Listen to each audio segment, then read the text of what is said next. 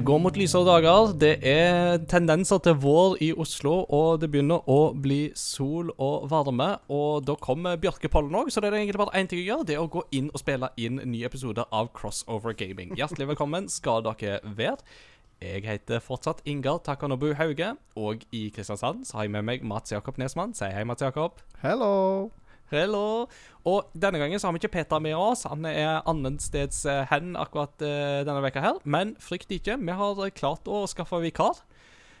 Og jeg tror ikke at jeg underdriver eller overdriver eller noen ting. Jeg tror jeg snakker 100% sant når jeg sier at det må være communityets mest ihuga wave race-entusiast. Mine damer og herrer, ta godt imot Espen Tveit. Hei, hei. Ja, dette var på høy overtid, vil jeg si. Ja, det er veldig kjekt å få bli med, og kjekt å bli Mhm. invitert nå. Jo, det velkommen skal du være. Eh, du må du må få lov til å presentere deg sjøl med dine egne ord, eh, så ikke vi bare legger ord i din munn og later som at vi vet alt om deg. Men eh, du sitter på Stord, det, det vet jeg. Ja, jeg sitter på Stord. Jeg er jo da student ved HVL, Campus Stord. eh, Grunnskoleleder. Mhm. Og er da på mitt tredje år, så jeg har to år igjen etter det. Eh, Født i 93, så Ja, 64, så det skal handle om i dag, er jo Det er jo min barndom. Mhm. Familie har du på plass og hele pakka. Ja. og Ja. Familie. Ja. To barn. yeah. Mats Jakob uh, nikker anerkjennende. Det, he can relate. Yes. Så, så dere får ha, dere får ha pappapodkasten etterpå om leggetider og eh, andre småbarnskvaler.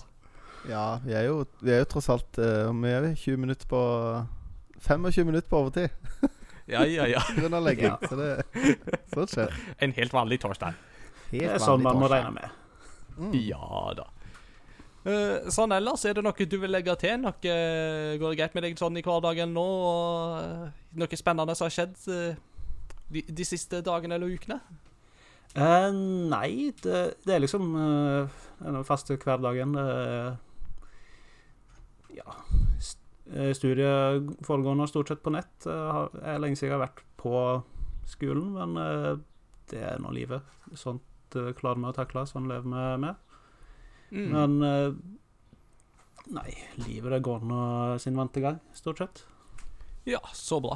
Eh, altså sånn spillhistorie, for det, på en måte det, det er jo alltid gøy å høre litt. Altså, Har du noen Mm. på en måte sånne all time favorites som er liksom gøy å skyte inn allerede nå? For sånn at eh, folk har klart å plassere deg litt. Vel, uh, Zelda er jo uh, kanskje den mest åpenbare. Eh, det er jo en eh, serie jeg har fulgt siden uh, Ocarina of Time, og Mm. spilt eh, nesten alle spillene i serien der. Og Mhm. ellers har jeg holdt meg stort sett på Nintendo. Eh, det har liksom vært eh, den konsollen jeg eh, kjenner der vet jeg jeg får spillene jeg liker. Mm. Eh, for all del eh, Xbox, PlayStation. Mye interessant der òg, men eh, jeg har prioritert eh, det ene økosystemet og holdt meg der. Ja. Det er, jo noe med det, med, det er jo noe med det med tid og penger og alt det der òg, så det er Ja. fullt Mm. forståelig, det. Yeah. Nice. Mats Jakob, eh, Kristiansand. Det putter og går som normalt. Det putter og går som, normalt, no, som normalt. Eh, hadde koselig besøk her forleden dag.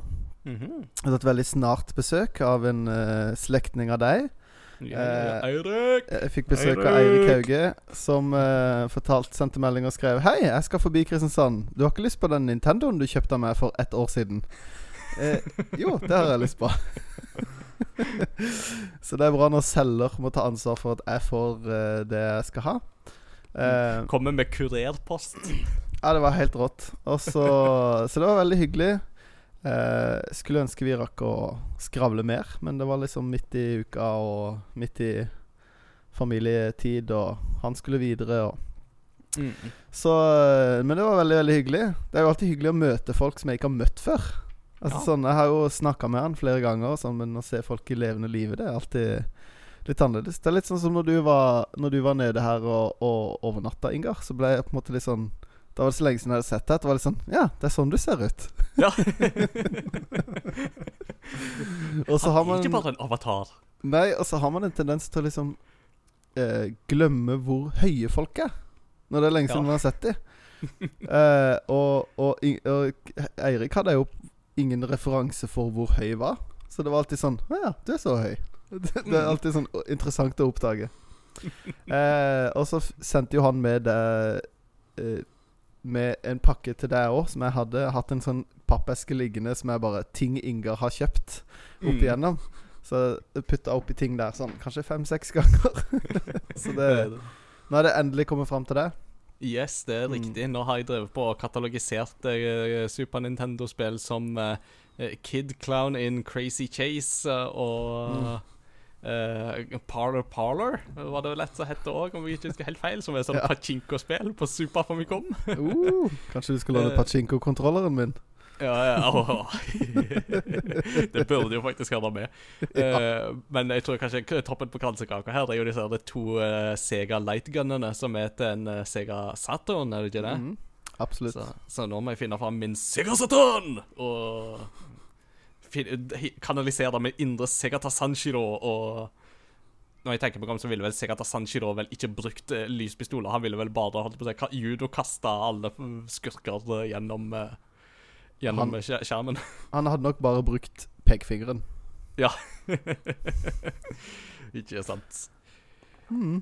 Nei, men det, det er faktisk ikke Sega Saturn vi skal snakke om i dag. Vi skal snakke om eh, en, en eh, samtidig konsoll. Mm. For dette er jo episode 64, og da passer det jo veldig godt å snakke om konsollen.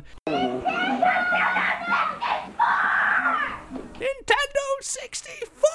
Nintendo 64!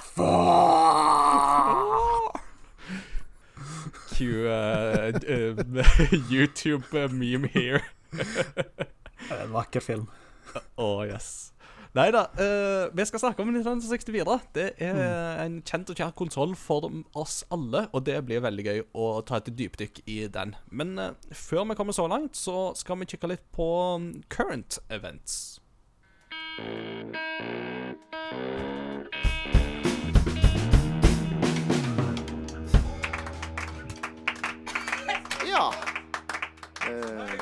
Himmelsk lyd fra ungdommene. Eh, nå er det ukens kunngjøringer. Det er jo litt av hvert som skjer for tida, og én ting som jo har opptatt eh, folk utafor gamingverdenen, det er jo dette Super League-opplegget. Eh, jeg vet ikke, Mats Jakob, om det er noe du har hatt sterke formeninger om? Jeg, jeg, jeg tror de fleste har sterke formeninger om det, men jeg har ikke vært så veldig involvert i og med at mitt lag ikke var med i Super League. Men eh, Nei, det, det har jo altså Det er jo så nærme du kommer statskupp som du kan i fotballverden. Det er litt sånn Det er litt som at de, de tre mest velstående eller mest etablerte statene i Seks, mener jeg. Nei, det var vel tolv. Etter Statene i USA sier mm, vi lager et eget land, men vi vil også være med i USA.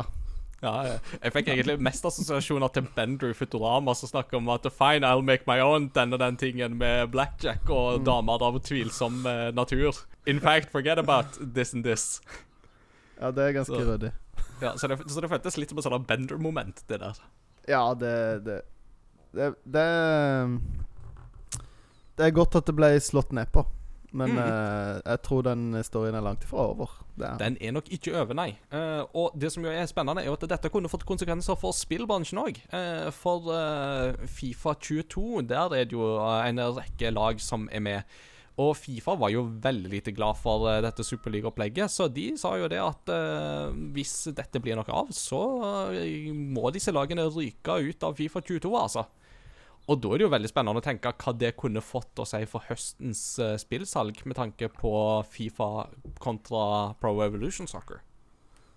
Så nå blir jo- sannsynlig mm. Det var jo eh, flere, da, blant annet en spiller på det laget jeg heier på, Aston Villa, som, uh, som skrev at at nå som de, En av straffene de burde få, burde være at de må spille resten av sangen som Pro Evolution Soccer-navnene sine.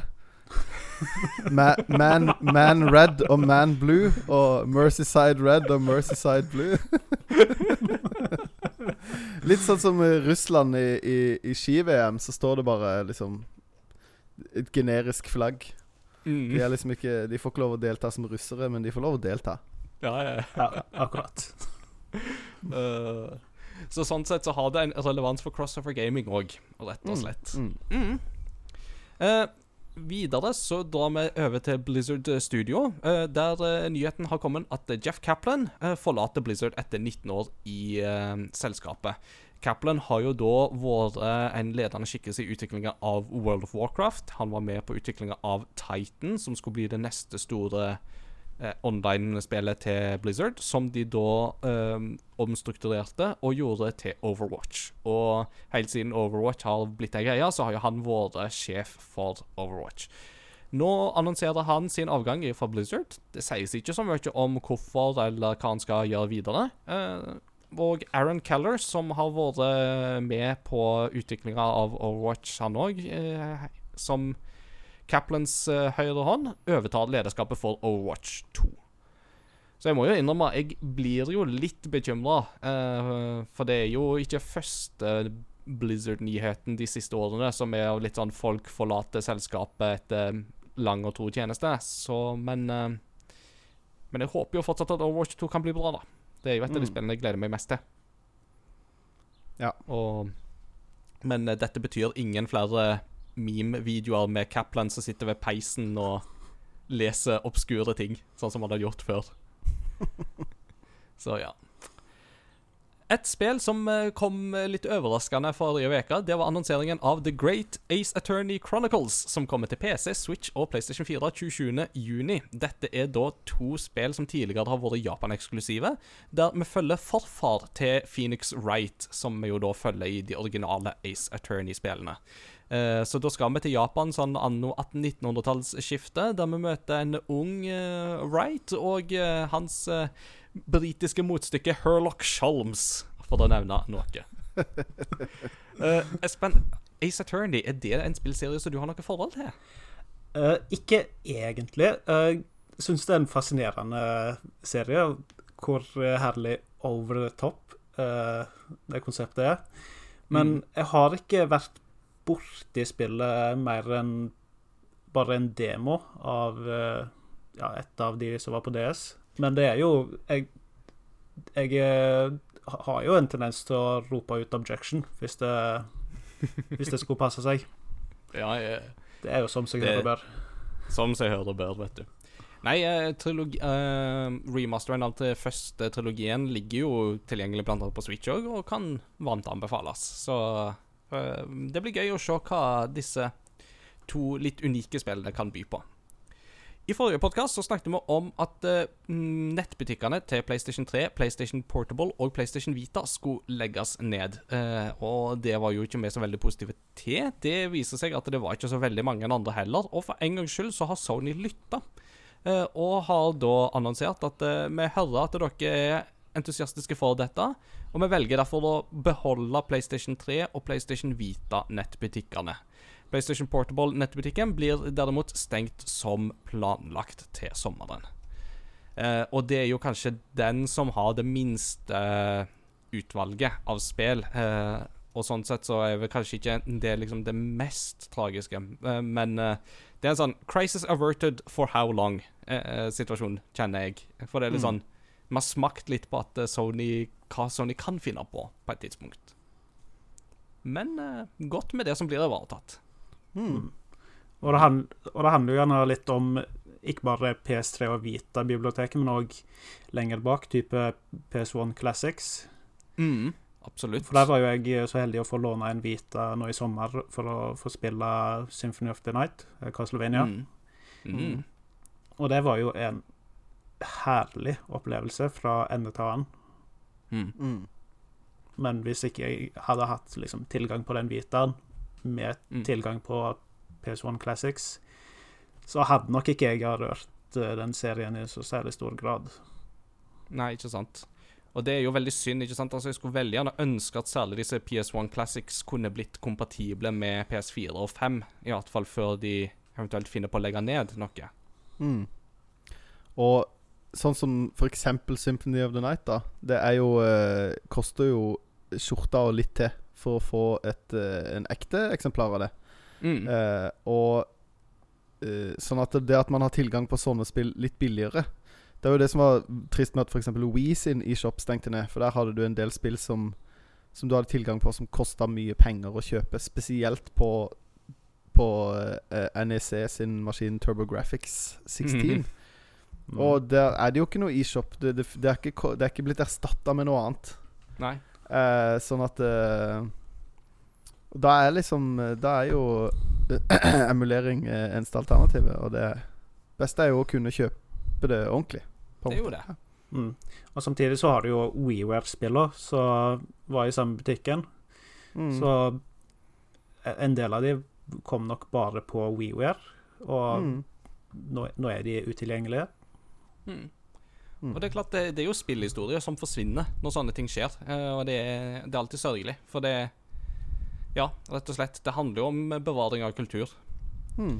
Uh, og sånn som med Castlevania, for eksempel, er jo en stor nok serie til at det kan jo bli gjenutgitt seinere. Og det har det jo for så vidt òg blitt. Men sånn som da Symphony of the Night har jo fått en ny oversettelse i den her eh, remaster-versjonen. Og det er klart at når du da ikke får det klassiske What is a man? A miserable pile of secrets, but enough talk. How about you? Da, da, da blir det liksom ikke det samme. Når de skal på en måte gjøre det litt mer skikkelig oversatt. Nei, det, nei, nei, vi må ha What is a man? Mm. Nei, så Eh, E-sport er jo ikke nødvendigvis det som uh, vi er flinkest på å dekke her, men det har vært en litt sånn interessant e-sportsak den siste veka. For Norsk e-sportforbund og uh, Norges idrettsforbund har vært i en samtale uh, mm. på, for å se om ikke e-sport kan på en måte regnes inn under NIF-paraplyen. Men Norges idrettsforbund de har da sagt at vi vil kun godta e-idrett som idrett. Så de har dikta opp sitt eget ord, e-idrett. Og der de da sier at definisjonen er at e-idrett må ligne på en faktisk ekte fysisk idrett. Så det vil si at eh, Fifa det kan være e-idrett. Eh, Rocket League det kan ikke være det. Eh, så i den, den samtalen der om liksom om anerkjennelse av e-sport på lik linje med andre idrettsforbund i Norge, så er det da på nåværende tidspunkt litt vanskelig, for å si det sånn. Jeg, bare, jeg bare lurer på hvor i dette sjiktet havner Ring Fit Adventure og WeFit. Sånn er det, et, Ligner det nok på idrett, eller? Jeg, vil- Men, jeg vil eh, si aner, at det, men anerkjenner de sjakk? Da Hvorfor anerkjenner de ikke andre spill? Nei. nei. idrettens veier er uransakelige. nei.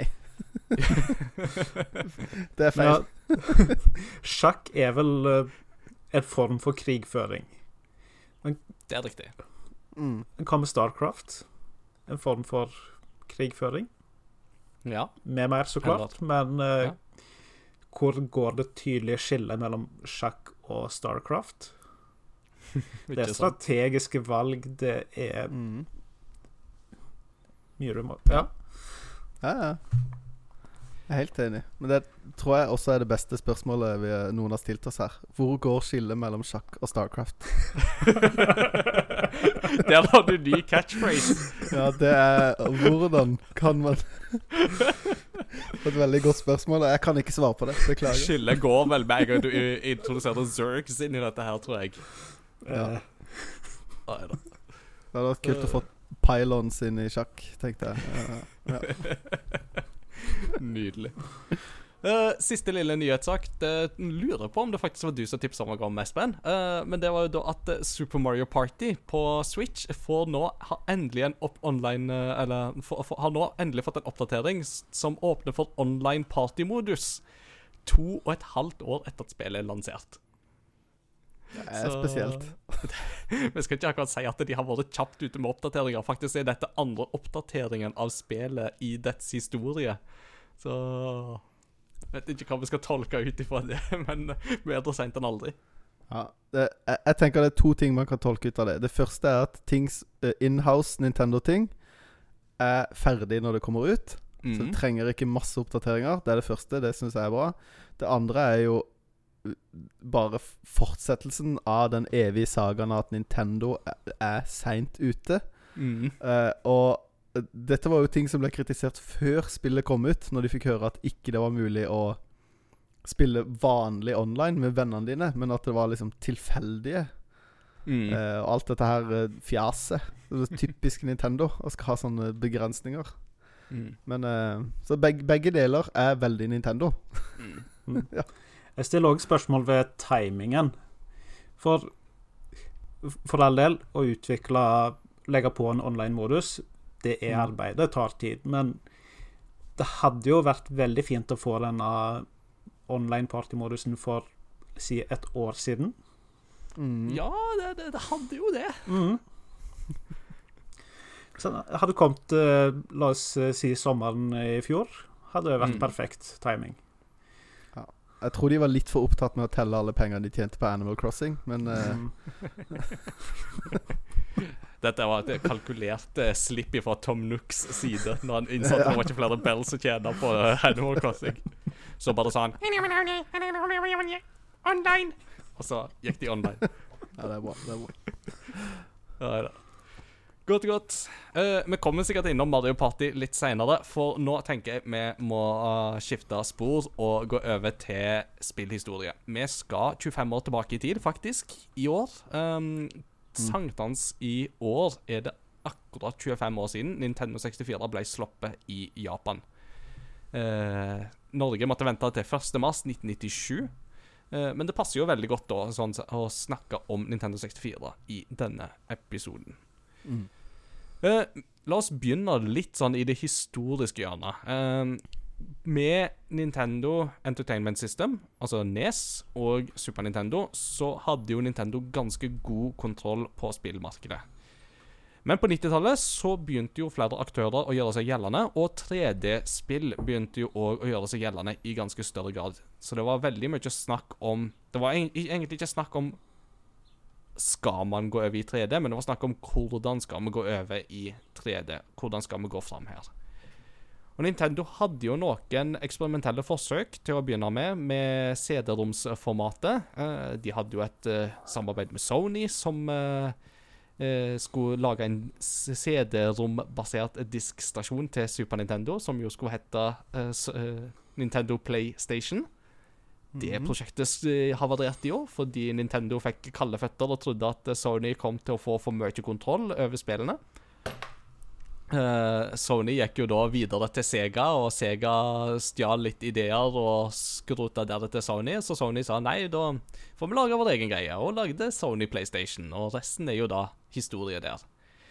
Nintendo på sin side de prøvde jo da å ordne til med et annet samarbeid med Philips. Det gikk jo heller ikke så veldig bra. Philips CDI er jo kjent som kanskje en av de verste spillkonsollene. Det er jo der vi finner The Unholy Zelda Trilogy, som vi har snakka om så mange ganger uh, i Mhm. denne podkasten her. Men når alle disse prosjektene her havarerte, så var det likevel et samarbeid som eh, Nintendo uh, inngikk som bar frukter, og det var samarbeidet med Silicon Graphics, som var meget gode på dette med grafikkvisualisering og superprosessering eh, på 90-tallet. Mm. Og de utvikla en eh, 3D-chip som eh, var ganske så effektiv. Og Nintendo plukka opp dette og sa at dette må vi benytte oss av. Så de begynte med et eh, prosjekt som de da til å begynne med kalte for Ultra 64. 64 kom jo da av 64-bit-prosessorkraften. Og Ultra 64 skifta jo da etter hvert navn til Project Reality. Eller egentlig så var det strengt tatt motsatt. Det heter Project Reality først, så ble det Ultra 64, og så ble det Nintendo 64. Mm. Nintendo 64 kom ut, som sagt, eh, sankthans eh, 1996. Eh, og solgte til sammen 33 millioner konsoller på verdensbasis. Eh, det er ganske mye, men det var fortsatt en nedgang sammenligna med både Nintendo og Super Nintendo. For eh, både Sony PlayStation eh, hadde et ganske stort grep om markedet i Vesten. Og i Japan så fikk òg konsollen ganske hard konkurranse av Sega Saturn. Faktisk solgte Sega Saturn bitte litt mer i Japan enn det Nintendo 64 gjorde. Mm.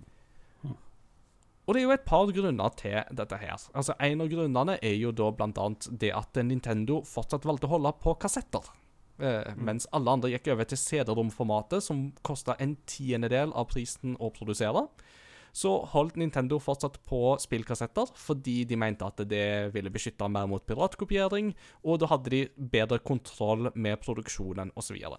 Problemet var jo det at det var kun Nintendo som lagde kassetter. Eh, sånn var det jo på Super Nintendo sin tid òg. Det var jo derfor Super Nintendo-spill gjerne var litt dyre. Det var fordi Nintendo satt på produksjonen og sa at eh, ja, hvis du vil gi ut spillet, så må du kjøpe så og så mange antall kassetter av oss på forhånd. Uten at folk hadde et grunnlag for å si om spillet kom til å bli bra eller dårlig. Så det var jo Mm. alltid en risiko for folk å gjøre dette. Dette var en policy som Nintendo holdt videre på i Nintendo 64-æraen, og det var jo ikke akkurat så veldig spennende for eksterne eh, spillprodusenter å gå for. For når du ikke vet om spillet ditt kommer til å bli bra eller ikke, så må du ta en risikoanalyse. Kommer dette til å selge, eller kommer det ikke til å selge? Og når du da på den andre sida har selskaper som Sony, som sier at ja, men du kan bare lage det på CD, og en CD koster en tiendedel av prisen, og du trenger ikke å kjøpe det via oss engang. Du kan kjøpe CD-rom akkurat der du vil. Altså, hvem som helst kan produsere det, nesten. Så var det regnestykket ganske lett for veldig, veldig mange. Eh, og en av de store selskapene som jo gikk over til Sony på det tidspunktet, var jo Squaresoft. Som Mm. tok med seg spillserier som Final Fantasy, og Final Fantasy 7 ble jo en megasuksess på PlayStation, for å si det mildt. Mm. Men Nintendo 64 klarte å holde seg gående likevel, annet takket være noen meget fantastiske førstepartstitler fra Nintendo sjøl. Og da tenker jeg at uh, la, la oss um, snakke litt om noen av disse banebrytende Nintendo 64-spillene. Uh, og da er jo spørsmålet hvor skal vi begynne hen? Og da er det jo kanskje like greit å begynne med Super Mario 64, da. som jo var lanseringsspillet som forma Nintendo 64-kontrollen etter hvordan det skulle spilles. Ja, virkelig. Uh, altså En ting som jeg syns er fascinerende, som jeg lærte ganske nylig, er jo at uh, eh, PlayStation-spillet Croc var i rute til å være det første 3D-plattformspillet som, som skulle komme ut. Mm. Og var egentlig tiltenkt Nintendo 64. Men um, Mario 64 kom ut før. Mm. Uh, og var ganske, ganske, ganske mye bedre. Spesielt med, i og med at det, det hadde jo en flytende 3D-styring. Det hadde jo ikke eh, PlayStation, for PlayStation på det tidspunktet hadde bare uh, D-pad, altså piler, og ikke Mm. analog stick. Uh, og eh, um, overskygga det jo ganske mye. Og uh, Mario 64 la jo standarden for hvordan et 3D-plattformspill skal være, Mm. på første forsøk. Absolutt. uh, og gjorde jo eh, ganske mange lure ting. Men den tingen jeg har tenkt mest på som voksen, som jeg ikke tenkte på som barn, er jo det at noe av det første de gjør, er jo å introdusere kameramannen. Ja. For å forklare hele liksom, konseptet bak at det henger et kamera bak deg. Ja. Da må det jo selvfølgelig være en fyr på en sky som holder en kamera i en fiskesnor. på en fiskestang. Som filmer deg hele tida. Eh, og at de bare brøyt den muren Altså, det er jo ikke en fjerde vegg, på en måte, men jo litt. Eh, det er jo ikke så langt ifra. med en gang. Og bare sa Hei, hei, her er det en fyr med et kamera. Det er, dette det er denne synsvinkelen du styrer. Mm. Eh, jeg tenkte jo ikke et sekund over det som barn, for dette, det ble jo ganske raskt helt naturlig. Mm. Men, eh, men for en utrolig festlig måte å gjøre det på. Og så Ja, genial måte å liksom lære deg å spille spillet ved at du spiller spillet. Mm. Eh, og det er jo en ting som Miyamoto alltid har vært opptatt av. Og første banen i Mario Bros, eh, Super Mario Bros på eh, NES er jo beviset på det. For første banen er jo i praksis å lære deg å spille spillet. Mm. Mm. Eh, og er helt designa etter det. Og det har jo blitt eh, poengtert av eh, mange før jeg sier det nå, at eh, i Mario 64 Første området du kommer til, er jo bare en stor lekeplass. Du kan Mm. springe over haugen, du kan hoppe Du kan klatre i trærne, du kan bli vant til kontrollene før du i det hele tatt møter noe fare når du går Mm. inn og kommer til første levelen. Så det er både dette med kamera og denne åpne lekeplassen, nærmest, er jo en veldig fin måte å introdusere spilleren for Mario, men i 3D. Mm. Og, det, Mm. og jeg syns det er så sykt bra at, at hva de får til med sitt første 3D-plattformer. Mm. Mm. Ja, for igjen, altså, det er jo noe med at eh, hele denne epoken der de går over fra 2D til 3D, som 90-tallet jo er et eksempel på, det er så mange på en måte Det er alltid så morsomt å gå tilbake og se på disse spillene som virkelig på en måte standardiserte disse tingene. ikke sant? Altså hvordan Doom eh, for eksempel satte standarden for førstepersons skytespill, eh, 3, 3D i en helt annen grad enn det hun hadde hatt tidligere, f.eks. Og så har du jo bilspill som eh, altså Virtual Racer og, og sånt, som òg satte liksom 3D-bilspill i en helt annet lys, og, og, og Virtua Fighter og de, Mm. alle disse Altså hvordan liksom hele den overgangen til 3D gikk, da. Men særlig liksom Super Mario 64 da, er et så ekstremt hopp. Altså, det er et trippelhopp, rett og slett. Mm. uh, som bare er ekst med, med sitt detaljnivå og den flyten det spillet har, er jo en Er jo testamentet til Altså til den kraft, kreative krafta som Nintendo sitter med på det tidspunktet der. Mm. Eh, og bare en så enkel ting som det med at uh, i dette området du har helt på begynnelsen av Super Mario 64, så kan du hoppe ut i vannet, og så kan du drive og svømme, og kommer du nært fiskene, så svømmer fiskene vekk fra deg.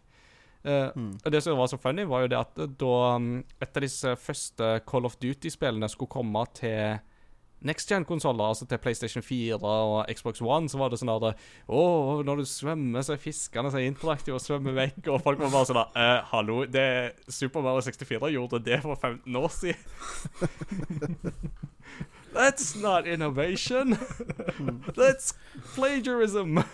Men, men det er ganske Altså Det er veldig sprøtt å tenke på hvor eh, mange hestehoder det spillet lå foran all konkurranse når det kom. Og så var det liksom Og at det kom Det var eh, Det var Var det launch-tittel? Ja, det var launch-tittel. Ja.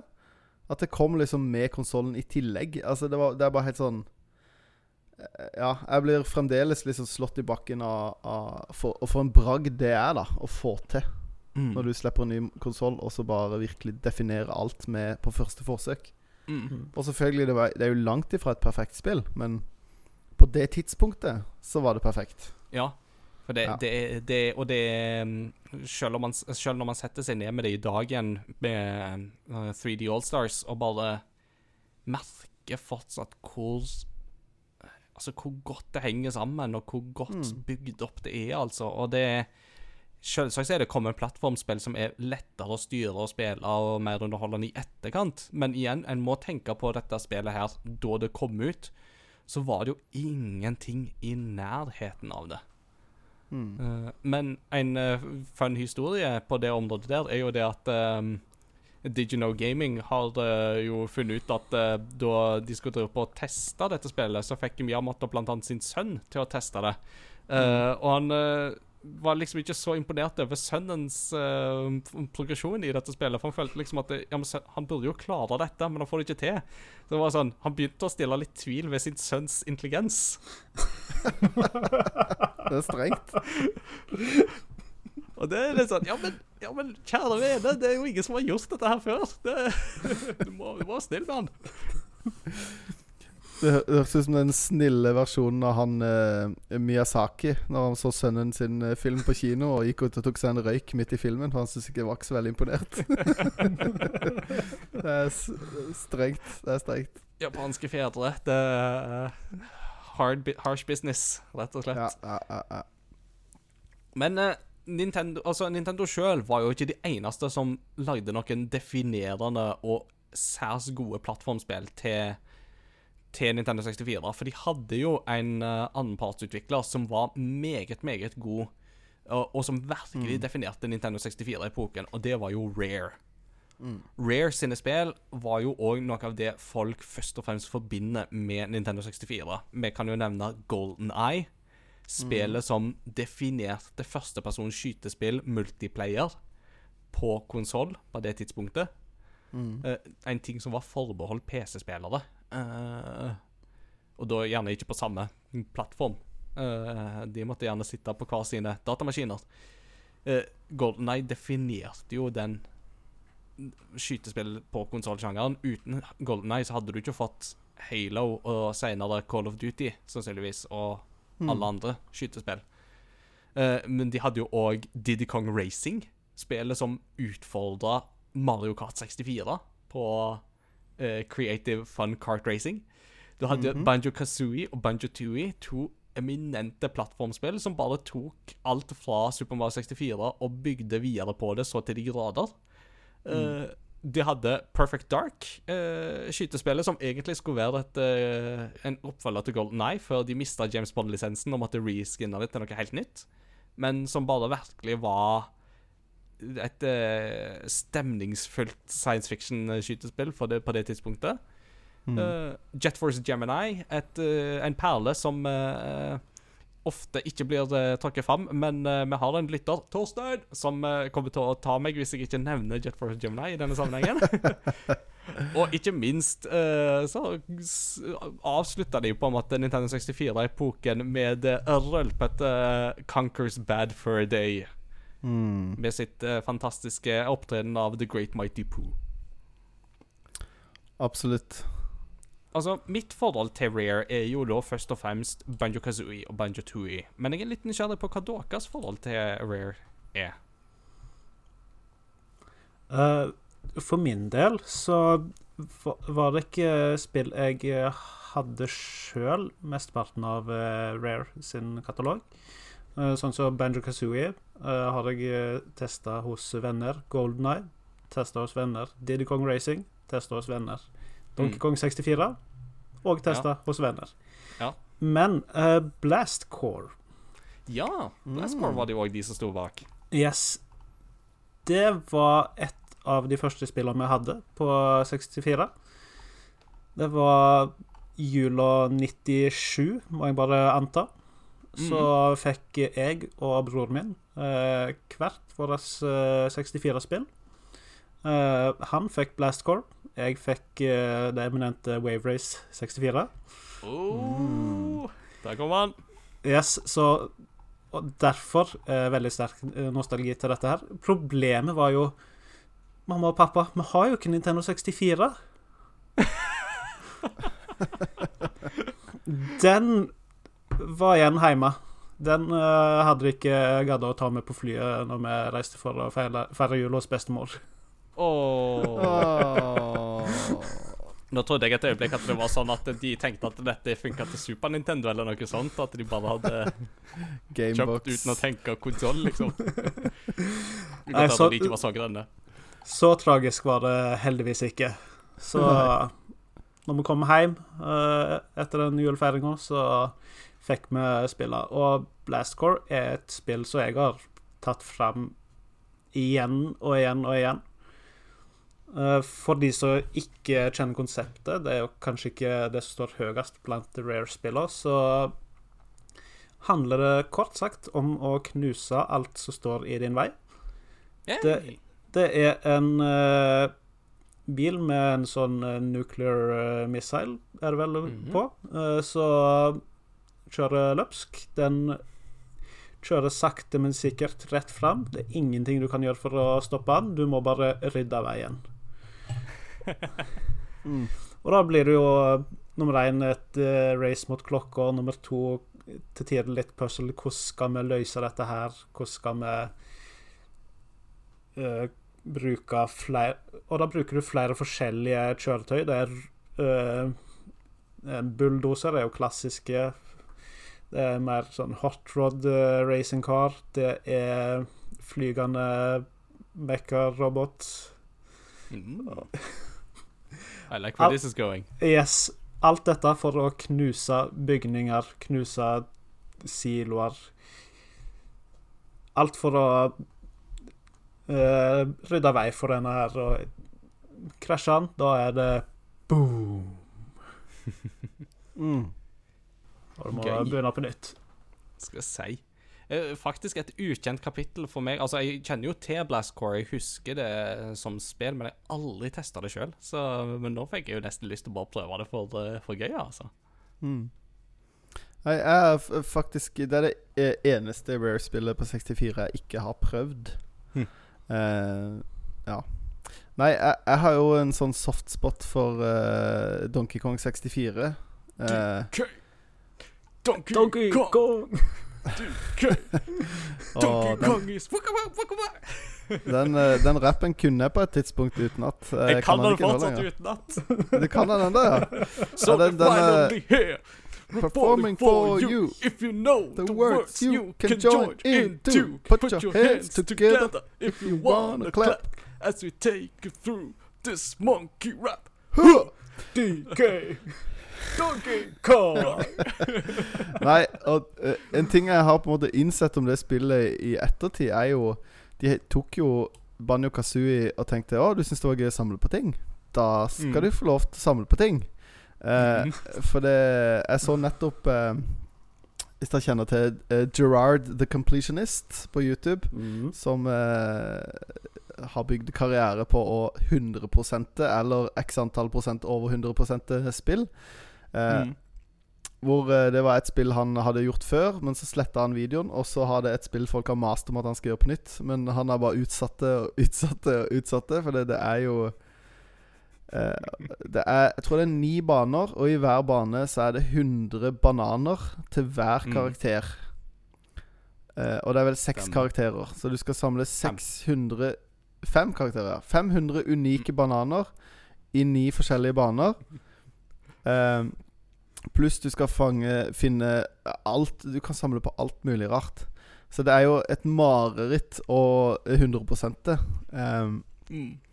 men eh, hvis du klarer å la være eh, Hvis du er en sånn person som må 100 til ting, eh, styr langt unna. Men hvis du bare vil ha en eh, god plattformopplevelse, så er det et ekstra Det er et spill som har ufattelig mye personlighet. Eh, Mm. Alle karakterene er veldig sånn De er, har en skikkelig sånn karikert personlighet. Missionsene, tingene, oppdragene du skal gjøre, er veldig liksom personalisert til de. Eh, Så det er ja, skikkelig masse gode karakterer og bra stemningssetting og alt mulig. Jeg syns jeg er helt topp i det spillet. altså Litt nostalgisk, Absolutt. som det kanskje var. Ja, ja. Mm. Men det er lov. Og det som er litt uh, festlig med uh, det du sier med å, at det er så fryktelig mye å samle i Donkey Kong 64 Det var jo så nylig som i 2017 så ble det jo oppdaga en ny mynt som hadde skjult seg for, uh, for folk. Så i 2017 så var det da en speedrunner som fant en regnbuemynt, så jeg antar jo det at det flippa jo alle eh, 100% rekorder eh, på huet og kasta alt ut døra. Plutselig ble det 101 rett og slett. Mm. Og så er det en annen fun fact om Donkey Kong 64, eh, som eh, denne stjeler fra nerdelandslaget, siden de nylig hadde en episode om Rare. Men eh, det synes jeg var fryktelig interessant. På Nintendo 64 så var det jo en del tilleggsutstyr som kom. eh, der en av tingene som kom, var jo expansion pack. Mm. Som da økte in, altså, in, internminnet fra 4 til 8 megabyte. Mm. Jeg jeg teller riktig, ja. Eh, og de tre spillene som krevde expansion pack for at du skulle spille de, det var Perfect Dark, det var The Legend of Zelda Majora's Mask og Donkey Kong 64. Bortsett fra at Donkey Kong 64 trengte egentlig ikke de ekstra 4 megabytene med RAM. Men grunnen til at de inkluderte den med i alle eksemplar av Donkey Kong 64, var fordi de oppdaget en bug ganske seint i spillets utvikling. Mm. Og det var for seint til å rette opp den bugen. Men de oppdaget òg det at hvis du spilte det på en konsoll med expansion pack i, så ble ikke den buggen trigga. Så da var det bare sånn at Nei, dette spillet er så revolusjonerende at du må ha ekstra ram for å spille det. Og det var bare sånn Nei, nei, vi må bare sørge for at det ikke krasjer. Det var før internettpatchene sin tid, uh, young listeners. Det var før internett og den gang. Den gang da jeg var ung. Ja, ja, ja, ja. uh, jeg har uh, en gang i mitt liv fått uh, lidd under det de på eh, 80- og 90-tallet kalte for Nintenditis. Eh, Som eh, populært er kalt eh, Nintendo-tommel. Eh, Ah. At jeg kom på skolen, og jeg klarte ikke å skrive, for jeg hadde så vondt i min høyre tommel fordi jeg hadde spilt så mye Donkey Kong 64. det har skjedd skjedd én gang med meg, og det var Donkey Kong 64 sin feil. Nice. Eh, Da må jeg jo spørre, har du òg samtidig opplevd eh, Mario, Kart, eh, Mario Party-håndflaten? Ja, jeg tror man kan nesten skimte, skimte et arr der, ja. Det, Ja, for det òg er jo en av de store seriene som jo kom på Starta på Nintendo 64, var jo Mm. Mario Party. Eh, og bare hele dette konseptet med liksom spille brettspill på på, på, på liksom konsoll, er det noe gøy, da? Liksom, det er jo en sånn tanke man kan tenke. Men Mario Party fikk tre spill på Nintendo 64 og lever i beste velgående den dag i dag. Og som dere jo påpeker, eh, noen av disse minispillene krevde jo at man måtte ta og snurre denne Nintendo 64-spaken rundt veldig, veldig fort. mm. Så mange brukte jo da håndflaten til å gjøre det, men da fikk du jo sånn svimerke og nærmest vannblemme i, i håndflaten. Mm. Så på et tidspunkt så begynte jo Nintendo da å sende ut egne hansker til Mario Party-spillere. Og de hanskene er vel i dag samleobjekter, om jeg ikke tar helt feil. Absolutt, de er ganske dyre. Du måtte si Du måtte klage, og da fikk du en hanske i posten. Uh, Det, det, det er liksom to hansker her i verden som er ekstra dyre. Det er Michael Jackson sine shiny gloves, og så er det Mario Party-hansker. Det er vel òg derfor er derfor at uh, det første Mario Party-spillet tror jeg aldri kom på Virtual Console. mm. Fordi de var redd for at folk skulle ødelegge det- nye konsoller. Ja, det var problem da med disse spinning uh, minigamesa, så de etter Mario Party 1 uh, prøvde å unngå. Mm. Klokt. For, fornuftig, fornuftig. Nei, og Mario Party lever jo i beste velgående den dag i dag. Nå til og med med online partymodus for fire på Switch. Tenk det.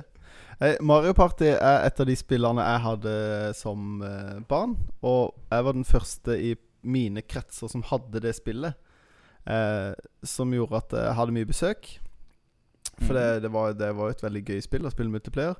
Men jeg husker veldig veldig, veldig godt når jeg sto i butikken og skulle kjøpe et spill for bursdagspengene mine. Og så sto jeg med Mario Party i den ene hånda.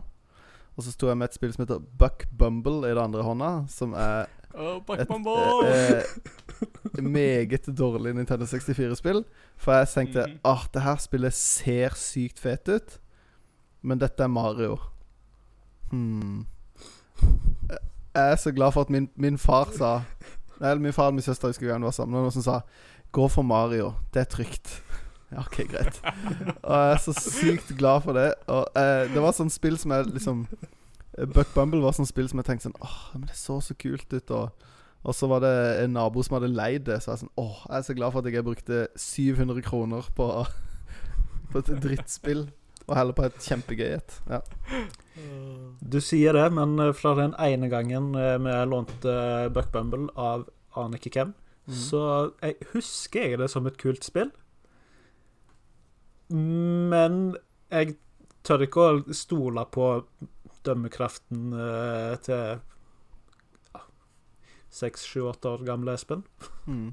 Det, Det det, det er jo sånn eh, Flyvekontrollen i det spillet er veldig Veldig dårlig. Så konseptet husker jeg ikke så mye av, men er bare det er veldig vanskelig å styre.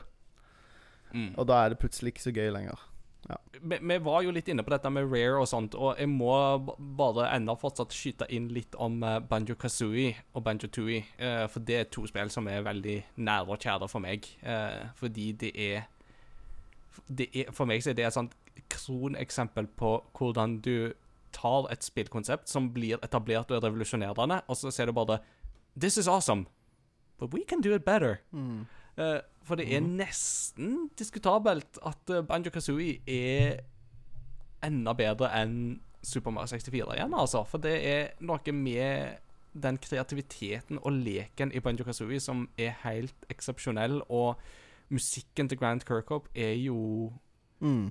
mesterverk. Og bare det at den er så interaktiv òg i det Mm, spillet. mm, mm. For den skifter jo ut ifra hvor i verdenene du er, om du er under vann og ja, alt sånt. Det, det er helt eksepsjonelt hva en fikk plass til. Og igjen her, vi skal huske at en Nintendo 64-spillkassett hadde vesentlig mindre plass til ting som musikk og lignende enn det CD-romspillene på PlayStation hadde. Mm. Så det er imponerende Mm. uh, greier. I den forbindelse så er det òg veldig veldig imponerende at um, Studio Effector 5, som var noen eksperter på å konvertere spill til Nintendo 64, klarte å konvertere Resident Evil 2 fra PlayStation til Nintendo 64 Mm. eh, med alt av eh, lydfiler og sånt intakt. Vi snakker her om et spill som kom på to CD-plater. Mm. Som kom på én spillkassett. Ja, det er ganske Fordi de var noen komprimeringsmestere uten sidestykke. Mm. Er imponerende. Kjempe. Veldig.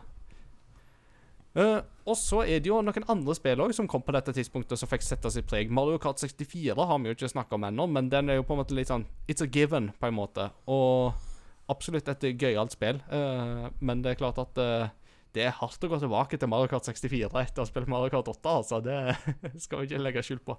Nei. Men fireplayer uh, battle mode, det, det var ting. Det var saker, det. Mm.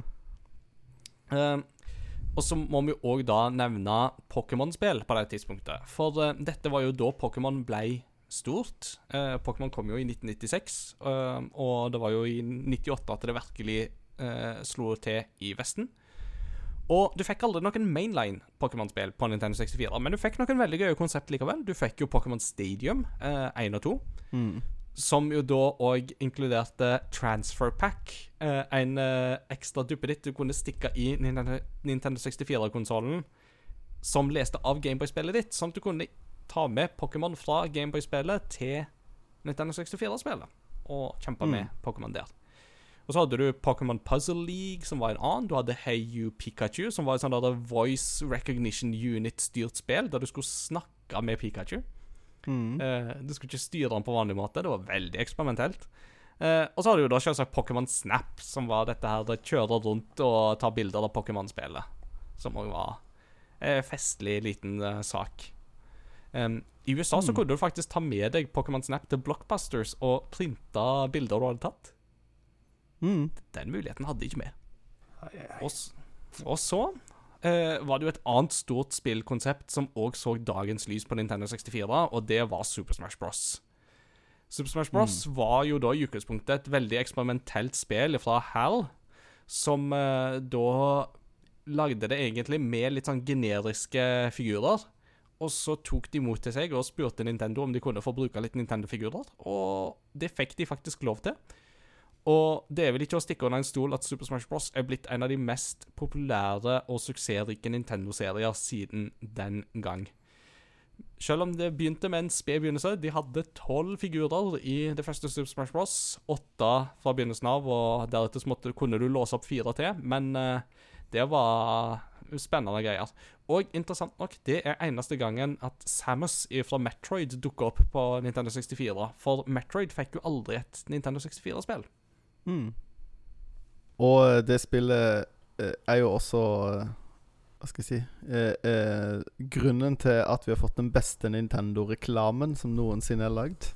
Yes! Eh, ja. Hvor det er masse Nintendo-karakterer Men det altså mennesker som er kledd ut som Nintendo-karakterer, som går og leier alle ned Sånn som sånn Teletubbies, som leier ned en ås. And you, and you Ja. and me Sikkert sånn. Og så begynner de å slåss, og det er bare også fremdeles disse menneskene i drakter som slåss. Helt fantastisk reklame. Det er litt sånn Du ser disse? mm, de kan gjøre dette. Jeg vil ha det spillet. Hvis, hvis dere der hjemme ikke har sett den, gå på YouTube. Søk den opp. Mm. Dere kan ikke gå glipp av det. Nei, ikke sant. Nydelig, nydelig. Eh, men det er jo da to spill vi ikke har snakka så veldig mye om ennå, som vi jo må snakke om når vi snakker om Nintendo 64. For det er jo to spill som virkelig har definert en hel generasjon med spillere og en spillsjanger og rett og slett spillindustrien i sin helhet. Og det er The Legend of Zelda og Green of Time og The Legend of Zelda Majora's Mask. Som kom i henholdsvis 1998 og 2000. Og vi snakket jo om dette her med hvordan Super Mario 64 tok jo plattformspillene inn i en ny dimensjon. Men The Legend of Zeldas banebrytende visjon var jo det at de tok eventyrspillsjangeren fra to dimensjoner, top down, og til en tredimensjonal, fri, åpen verden som du kunne utforske fritt, med dag- og nattsyklus og hele pakka. Mm. Og det er jo ikke så stikke under en stol igjen hvor enormt sprang det er i, uh, mellom disse generasjonene her på det tidspunktet. Mm. Og bare en sånn enkel liten ting som det med at uh, Altså En av de mest revolusjonerende tingene er jo f.eks. dette med Z-targeting. Uh, det at du kan feste sikte på fienden. eh, som gjør at du låser kameraet på fienden, og dermed kan sirkle rundt. Det var en sånn ting som virkelig var innovasjon til de grader. Mm. Eh, Men òg det at uh, Ocarina of Time hadde jo òg en funksjon uh, som benytta seg av en annen Nintendo 64-tilleggssak som heter Rumble Pack, som òg ble veldig definerende for spillbransjen. For Rumble Pack var jo det første apparatet vi hadde hatt som fikk en hånd... al- altså, som iallfall i stor grad fikk eh, håndkontrollen din til å riste. Uh, som ga håndkontrollen din en ristende feedback når det var noe. Mm. Og Ocarina of Time benytta jo dette uh, med at uh, hvis du hadde en Rumble Pack i kontrolleren, og du kom nær en hemmelighet, så begynte håndkontrollen din å vibrere. Mm. Det var veldig merka etter at du hadde samla 20 eller 30 Gold Sculptures eller noe sånt, men fortsatt så var jo det i seg sjøl en, en revolusjon, altså. Mm. Og, og så, når vi da snakker om eh, tilleggsutstyr, så er det jo et par eh, En ting til som kom til Nintendo 64 som ikke ble så veldig stor. Og det var jo 64 DD. Eh, og det er en liten interessant eh, sak. Mm. For Nintendo var fortsatt ikke helt eh, klare for å oppgi kassettformatet. Men de var òg veldig åpne for på en måte å ha en slags på en måte lesbart kassettformat. Og 64 DD var da rett og slett en Hva skal du kalle det? En magnetdiskettstasjon Mm. som eh, de utvikla, som man da kunne sette under Nintendo 64, og som du da kunne være langt mer kreativ med. Eh, du kunne for eksempel eh, Altså, i teorien da så skulle det komme ting som gjorde at du kunne lage egne baner og sånt, og du kunne lage egne figurer i spill og lignende, og, og bilder. Men, men 64 DD kom bare til Japan, og ble aldri en stor greie. Det som eh, jeg syns er kult med det konseptet, da, kontra eh, bare å ha en CD-rom, var jo eh, at de hadde tenkt å gi ut DLC på den måten. Mm. Eh, blant eh, Det eneste spillet som faktisk fikk det, det var jo F-Zero. Mm. Som fikk eh, DLC til japanske spillet, hvor du da annet kunne bygge baner, men det var også nye, eh, en ny cup, tror jeg, med. Eh, og eh, det var jo også tanken med Ocarina of Time. Skulle jo egentlig komme på Nintendo 64 DD, og eh, skulle annet bruke da intern klokka i eh, DD-tillegget. Eh, Mhm. Og hadde De hadde ganske sånn grandiose planer for denne her, men eh, men det er jo mye å be folk om å kjøpe en maskin og et tillegg for å kunne spille spill også, og det har jo Sega eh, erfart eh, tidligere. Eh, sånn at eh. Ja, sånn at eh, det det, det, det sies at det ble produsert 15 000 enheter eh, av Nintendo 64 DD, så det er jo en ganske sånn sjelden sak. Det var ikke mange som hadde det, og det kom åtte eller ni spill. Og fire av de Mm. var Mario Paint. Mm. Eh, sånn at eh, Ganske begrensa. Ja. Så det, det folk kjøper det for i dag, er bl.a. for F-Zero, da. Mm. eh, for å kunne ha det på For å kunne bygge baner. Mm. Mm. Mm. Uh, Ocarina of Time sin Master Quest så ble sluppet på eh, GameCube-utgaven med Wind Waker, og på Mm. 3DS-utgaven starter vel òg som uh, et 64 DD-prosjekt, om jeg ikke tar uh, helt feil. Ah, Det mener jeg òg er, er riktig, ja. Mm. Det, kult. Det visste jeg ikke. og eh, et, et spill som senere ble konvertert til GameCube i stedet, uh, som ikke akkurat er veldig kjent, uh, men som òg var et i utgangspunktet 64 DD-spill, var jo Doshin the Giant. Mm. Som var en Mm, sånn der ja. god, en sånn god simulator der du spiller en sånn stor, gul kjempe som går på rundt på en øy og skal gjøre øybeboere glade og alt mulig, Mm. og så kan han bli til en rød, sint djevelkjempe og ødelegge ting og sånt. Så.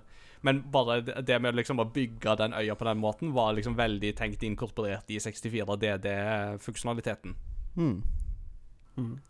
En annen ting som sannsynligvis kan eh, eh, spores tilbake til 64 DD, er Mi-figurene. Ja, det er sant. Mm, for eh, det knyttes da til Mario Artist Talent Studio, så Mm. det heter. Og der kunne man lage figurer og uh, customize de og br brukte de på forskjellig vis. Mm. Og da har det vel blitt sagt i ettertid at uh, det er litt den de bygde videre på når de lagde Mi-figurene til We. Mm. Kult. Det stemmer det, når, når du sier det. Det, var- det var godt du nevnte. Um, og det, det viser jo det at uh, selv om ikke alltid ting bærer frukt umiddelbart, så kan det likevel bære frukt på lang sikt og få en funksjon. Uh, Mm. For Miar har jo vært en sentral del av Nintendo helt siden Wiis tid, så Mm. Helt til slutt Uh, Ja, Mats Jakob, vær så god. Nei, jeg skulle, jeg, jeg skulle si det du skulle si. Oi, ok. Ja, men da tenker jeg at uh, helt til slutt Hva er våre personlige favorittspill til Nintendo 64? Uh, og da gjerne er det noen spill som er litt sånn hidden gems, som ikke alltid trekkes fram, men som dere er veldig glad i. Har eh, du noen, eksempel Espen, som eh, du er ekstra glad i? Vel, det er jo det jeg trekker fram ved enhver anledning. Det er, jo wave, det er jo Wave Race. Uh, Yes. Det er ikke alltid det blir snakka om hvis ikke jeg er til stede, men uh, det, det er et så flott spill. Nummer én, det er nostalgifaktoren OK. Men òg Jeg drar det fram uh, kanskje et par ganger i året og kjøre en cup eller to. Og det, det er bare en fryd eh, kjøre I motsetning til vanlige racingspill der du har en flat vei med svinger litt opp, litt ned, så har du her bølger, og det blir med en gang mye mer dynamisk, og hvordan du lener deg i svingene Det, det er bare Ja, det, det er vakkert. Det er flott. Og bølgene og været kan variere fra bane til bane. Mm. Så det er et spill jeg alltid kommer tilbake til. Og jeg, jeg kom ikke på noen flere Jo, eh, Bomberman 64 kan jeg òg trekke litt fram. Mm. Ja. Det, var- det var òg et eh, vi hadde, eh, og det har jeg òg brukt mange, mange, mange timer eh, i. Både i story eh, Ja, storydelen, Mm. eh, der du skal reise ja, innom ulike verdener. Lavaverden, gressverden, isverden, typiske greiene. Mm. Mm. Og liksom, ja Bekjempe fiender, befri de. Eh, brukte mange, mange timer der. Men òg i multiplayer-biten så er det litt mer sånn arena eh, fight Arena-sak, der du skal bombe andre bombermans. Mm. Mm. Utrolig mange timer så gått med der òg. Nice. Du da, Mats Jakob?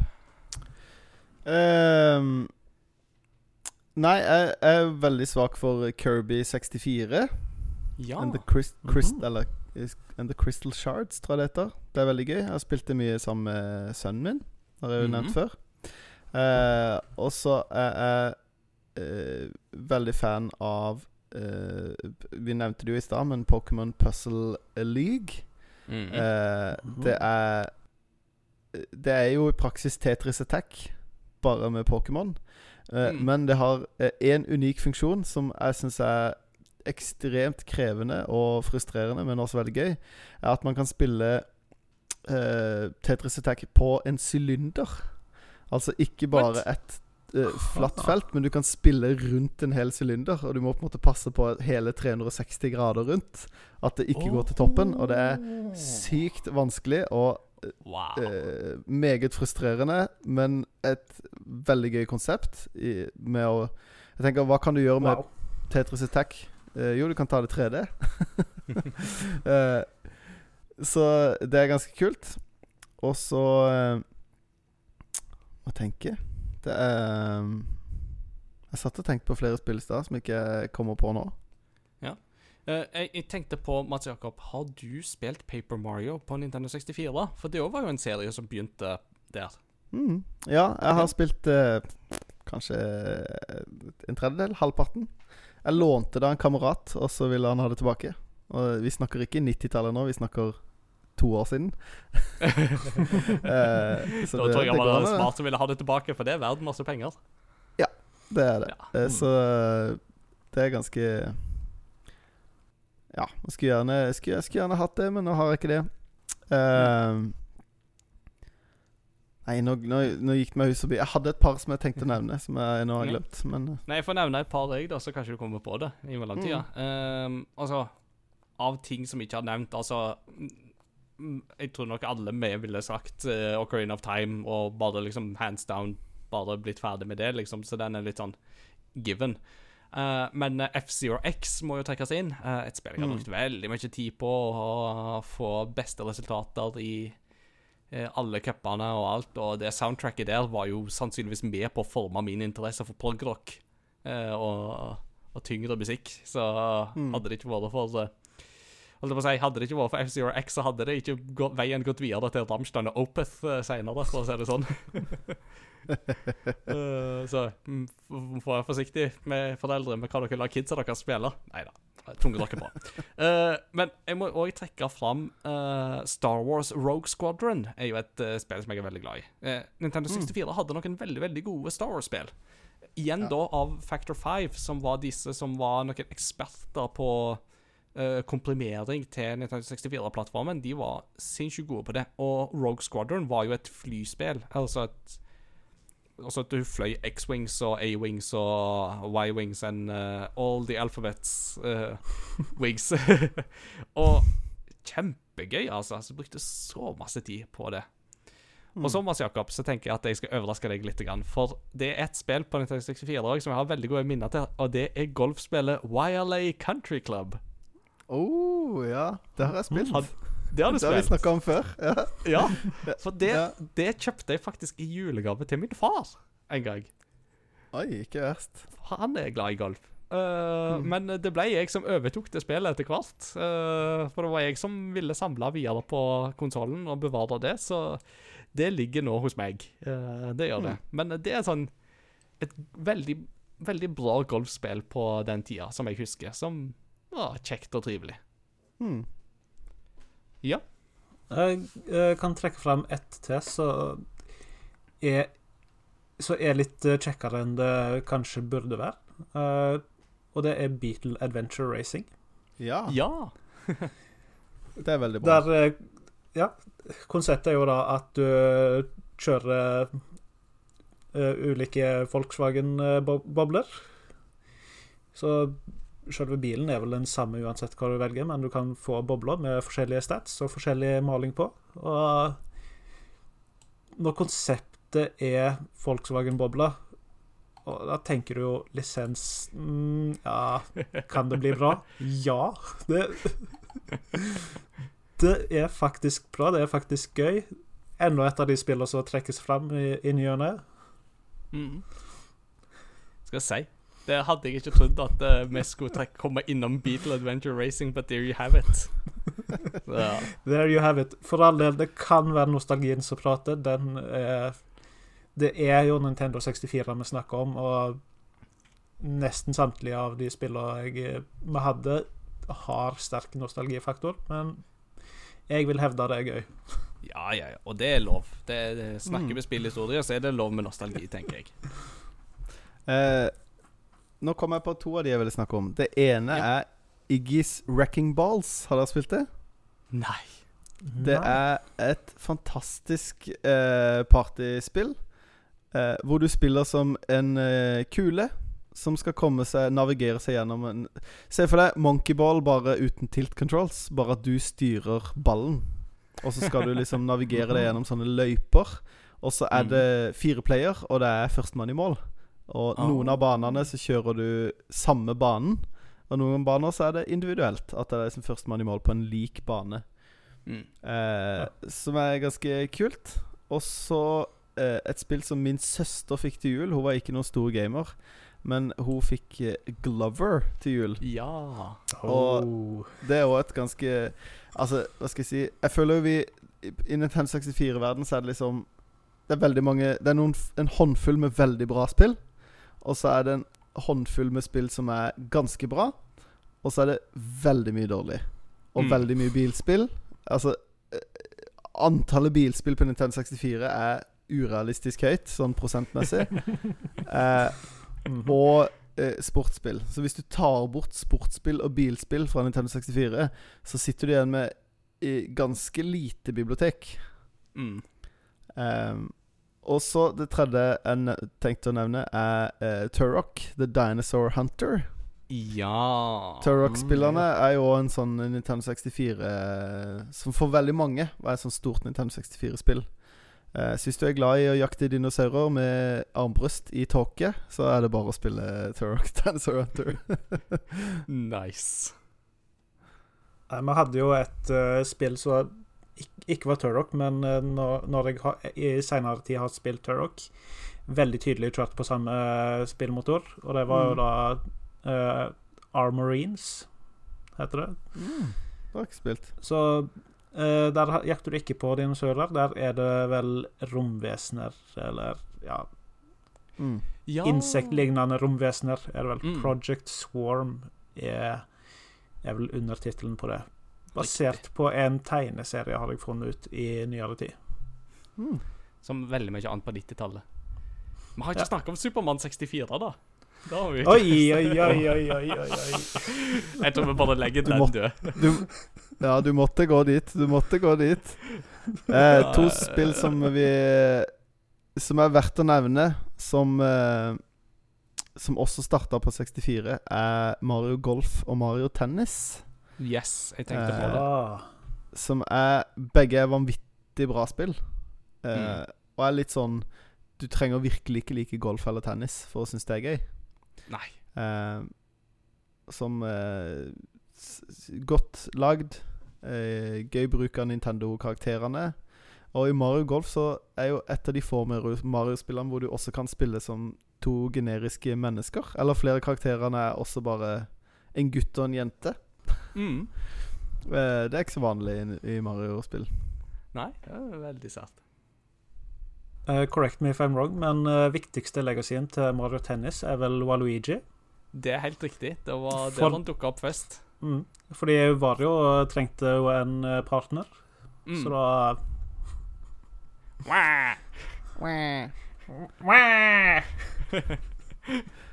Mitt uh, siste spill eh, For å nevne en eh, En eh, skal si, Et aspekt med Nintendo 64-kontrollen Den har vi ikke diskutert så veldig mye. Men uh, den hadde jo tre uh, ender, uh, til stor frustrasjon for mange. Jeg snakka jo litt om det når jeg observerte min egen sønn prøve å angripe denne kontrollen. Eh, Åh.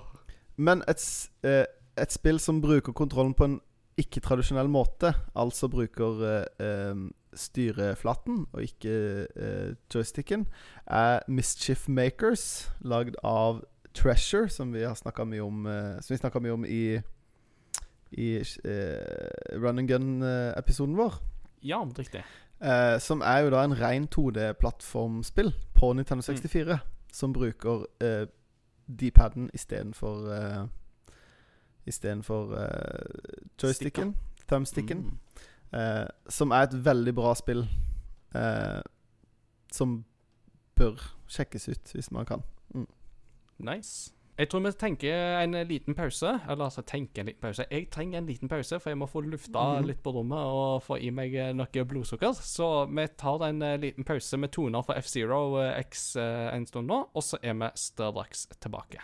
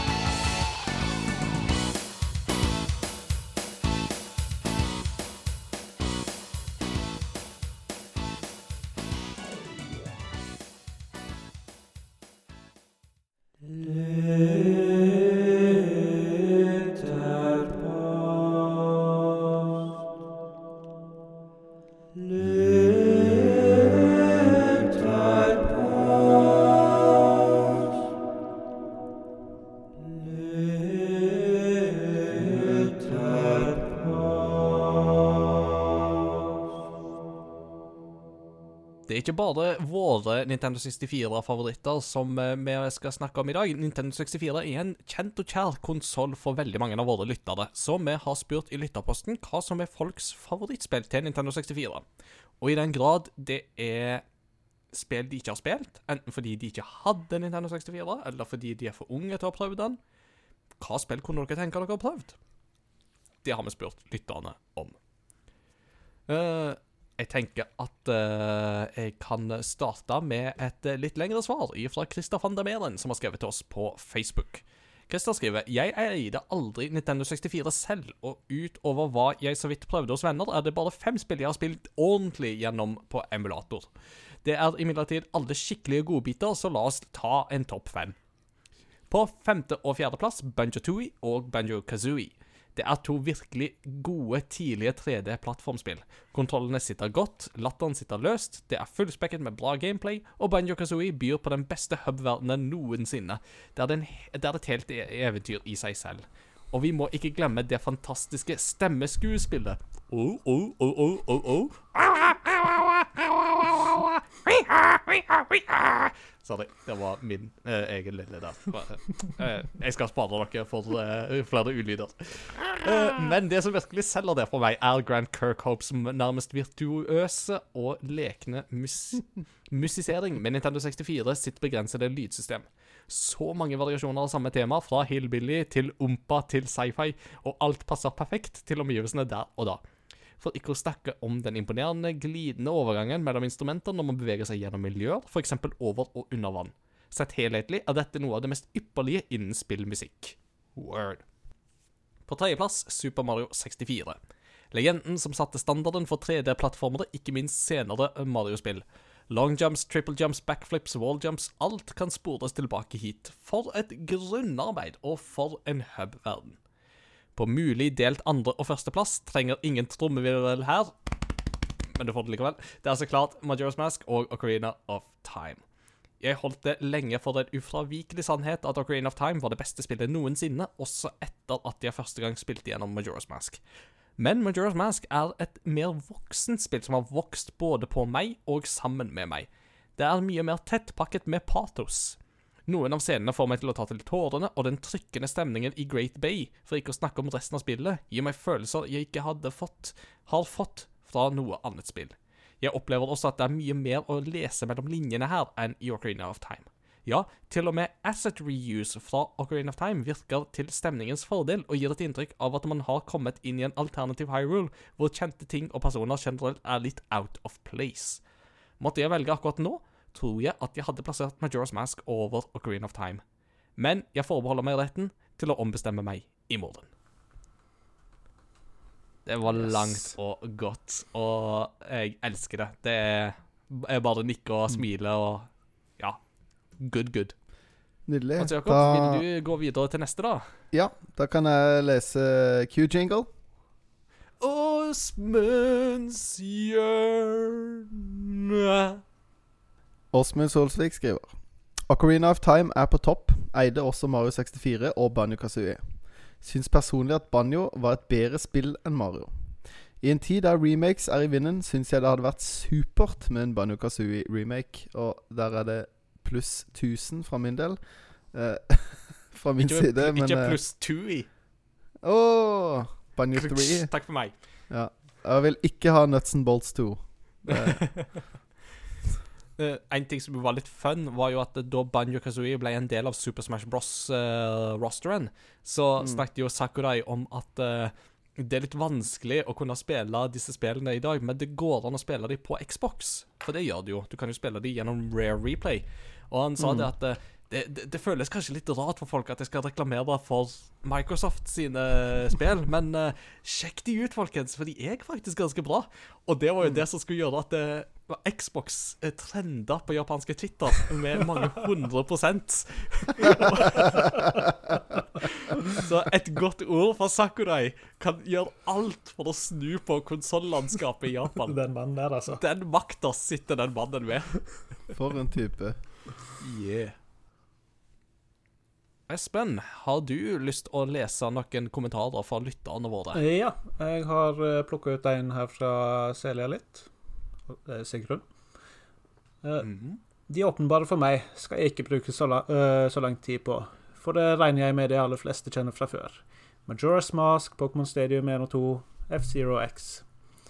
Av spill jeg ikke har prøvd, er nok Banjo Kazooie på toppen av lista, men den er også ganske så kjent.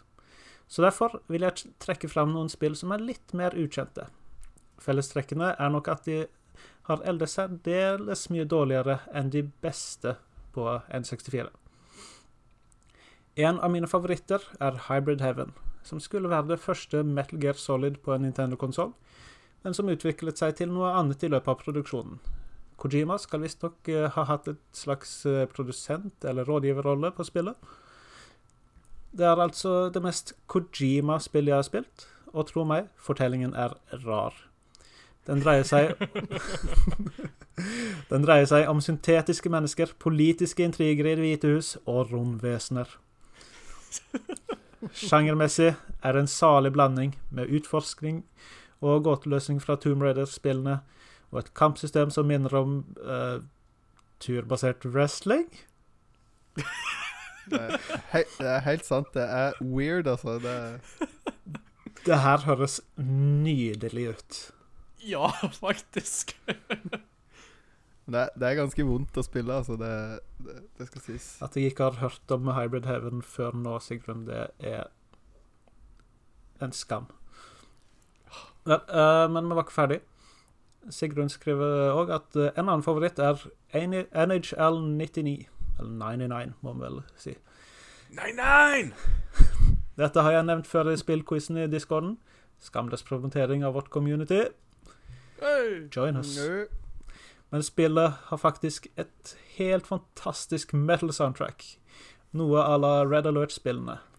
Selve ishockeymekanikken er ganske utdaterte, men er fortsatt eh, gøy å mene nærmeste motspiller mens eh, kommentatoren roper His bones just got rattled!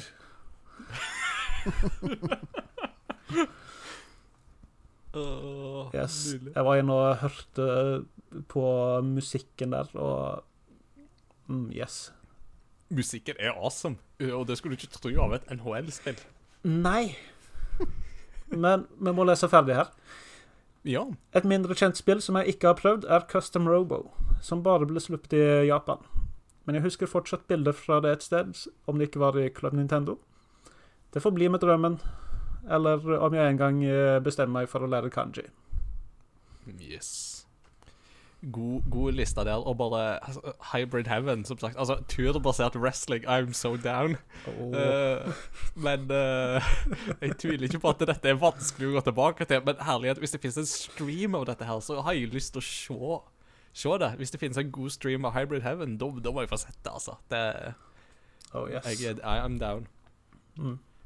Skal vi se. På Discord-communityet vårt så har da Pelsensif eh, skrevet en kommentar. Og jeg er litt usikker på om han har skrevet i eh, lytterposten før. Uh, Iallfall under det nikket. Og han skriver Min favoritt må bli Ocarina of Time. Jeg kjøpte ikke Nintendo før jeg ble student. Fikk kjøpt brukt av en i kollektivet for 250 kroner. Han ville gi den til meg, men jeg insisterte på at han måtte få noe for den, og han sa òg 250 da. Mine opplevelser ble derfor i barneårene preget av hva andre hadde. Da jeg møtte kona mi for første gang, kom det fram at de hadde en Nintendo i kollektivet med Zelda og Green of Time. Da førsteinntrykket av denne dama var særdeles bra, så inviterte jeg meg selv på besøk for å spille Zelda. Etter noen fine kvelder så ble det søt musikk, og spillet står seg som en evig favoritt. Åh. Honorable Mentions, Mario 64, Golden Eye, Mario Kart 64, Diddy Kong Racing og Pokémon Snap. Og så legger han til Kona spiller inn fra sidelinja at hennes favoritt er Zelda Crane of Time. Det er pga. førsteopplevelsen av å bli dratt inn i et univers. Et eventyr der man bare vil vite mer av hva som skjer videre. Man sitter ikke bare og ser på en gang, men spiller historien og er helten. Puzzles er også et viktig element, og gleden av å løse dem var stor. En mer saklig beskrivelse, men alle vinkler må jo være lov. Konas honorable mentions er Mario 64, Super Smash Bros, Banjo Kazooie, Mario Kart 64, Mario Party, Zelda Majora's Mask og Pokémon Stadium.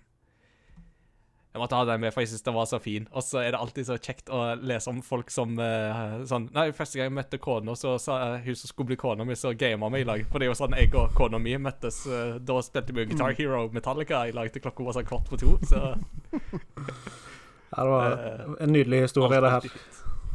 alltid fint. Ja. Har du en eh, siste slenger, Espen, som du har lyst til å ta med? Ja, vi kan slenge på en kort her fra Eirik. Mhm. Mm. Med fare, med fare for å ta en klisjé, The Legend of Zelda og Green of Time. Musikken, historien, grafikken. Opplevelsene. Helt fantastisk. Chef's kiss. Mwah. Mwah. Og Deilig. ja, jeg, Ocarina of Time er jo òg for meg det, det er en veldig, veldig, veldig veldig viktig del av hva jeg spilte i barndommen. Hmm. Samme her. Det, Mm. og det har jo prega hele min spillidentitet òg, det spillet. Eh, Både det og Majora's Mask, Mm. men først og fremst Ocarina of Time. Så det Ja. Mange gode opplevelser, og det er det tydelig at lytterne våre òg har hatt. Hvis du skulle ønske å dele dine eh, opplevelser i lytterpostene våre, så eh, sjekk oss ut på Facebook eller Discord. Bli med der, og svar på våre lytterposter før episodene.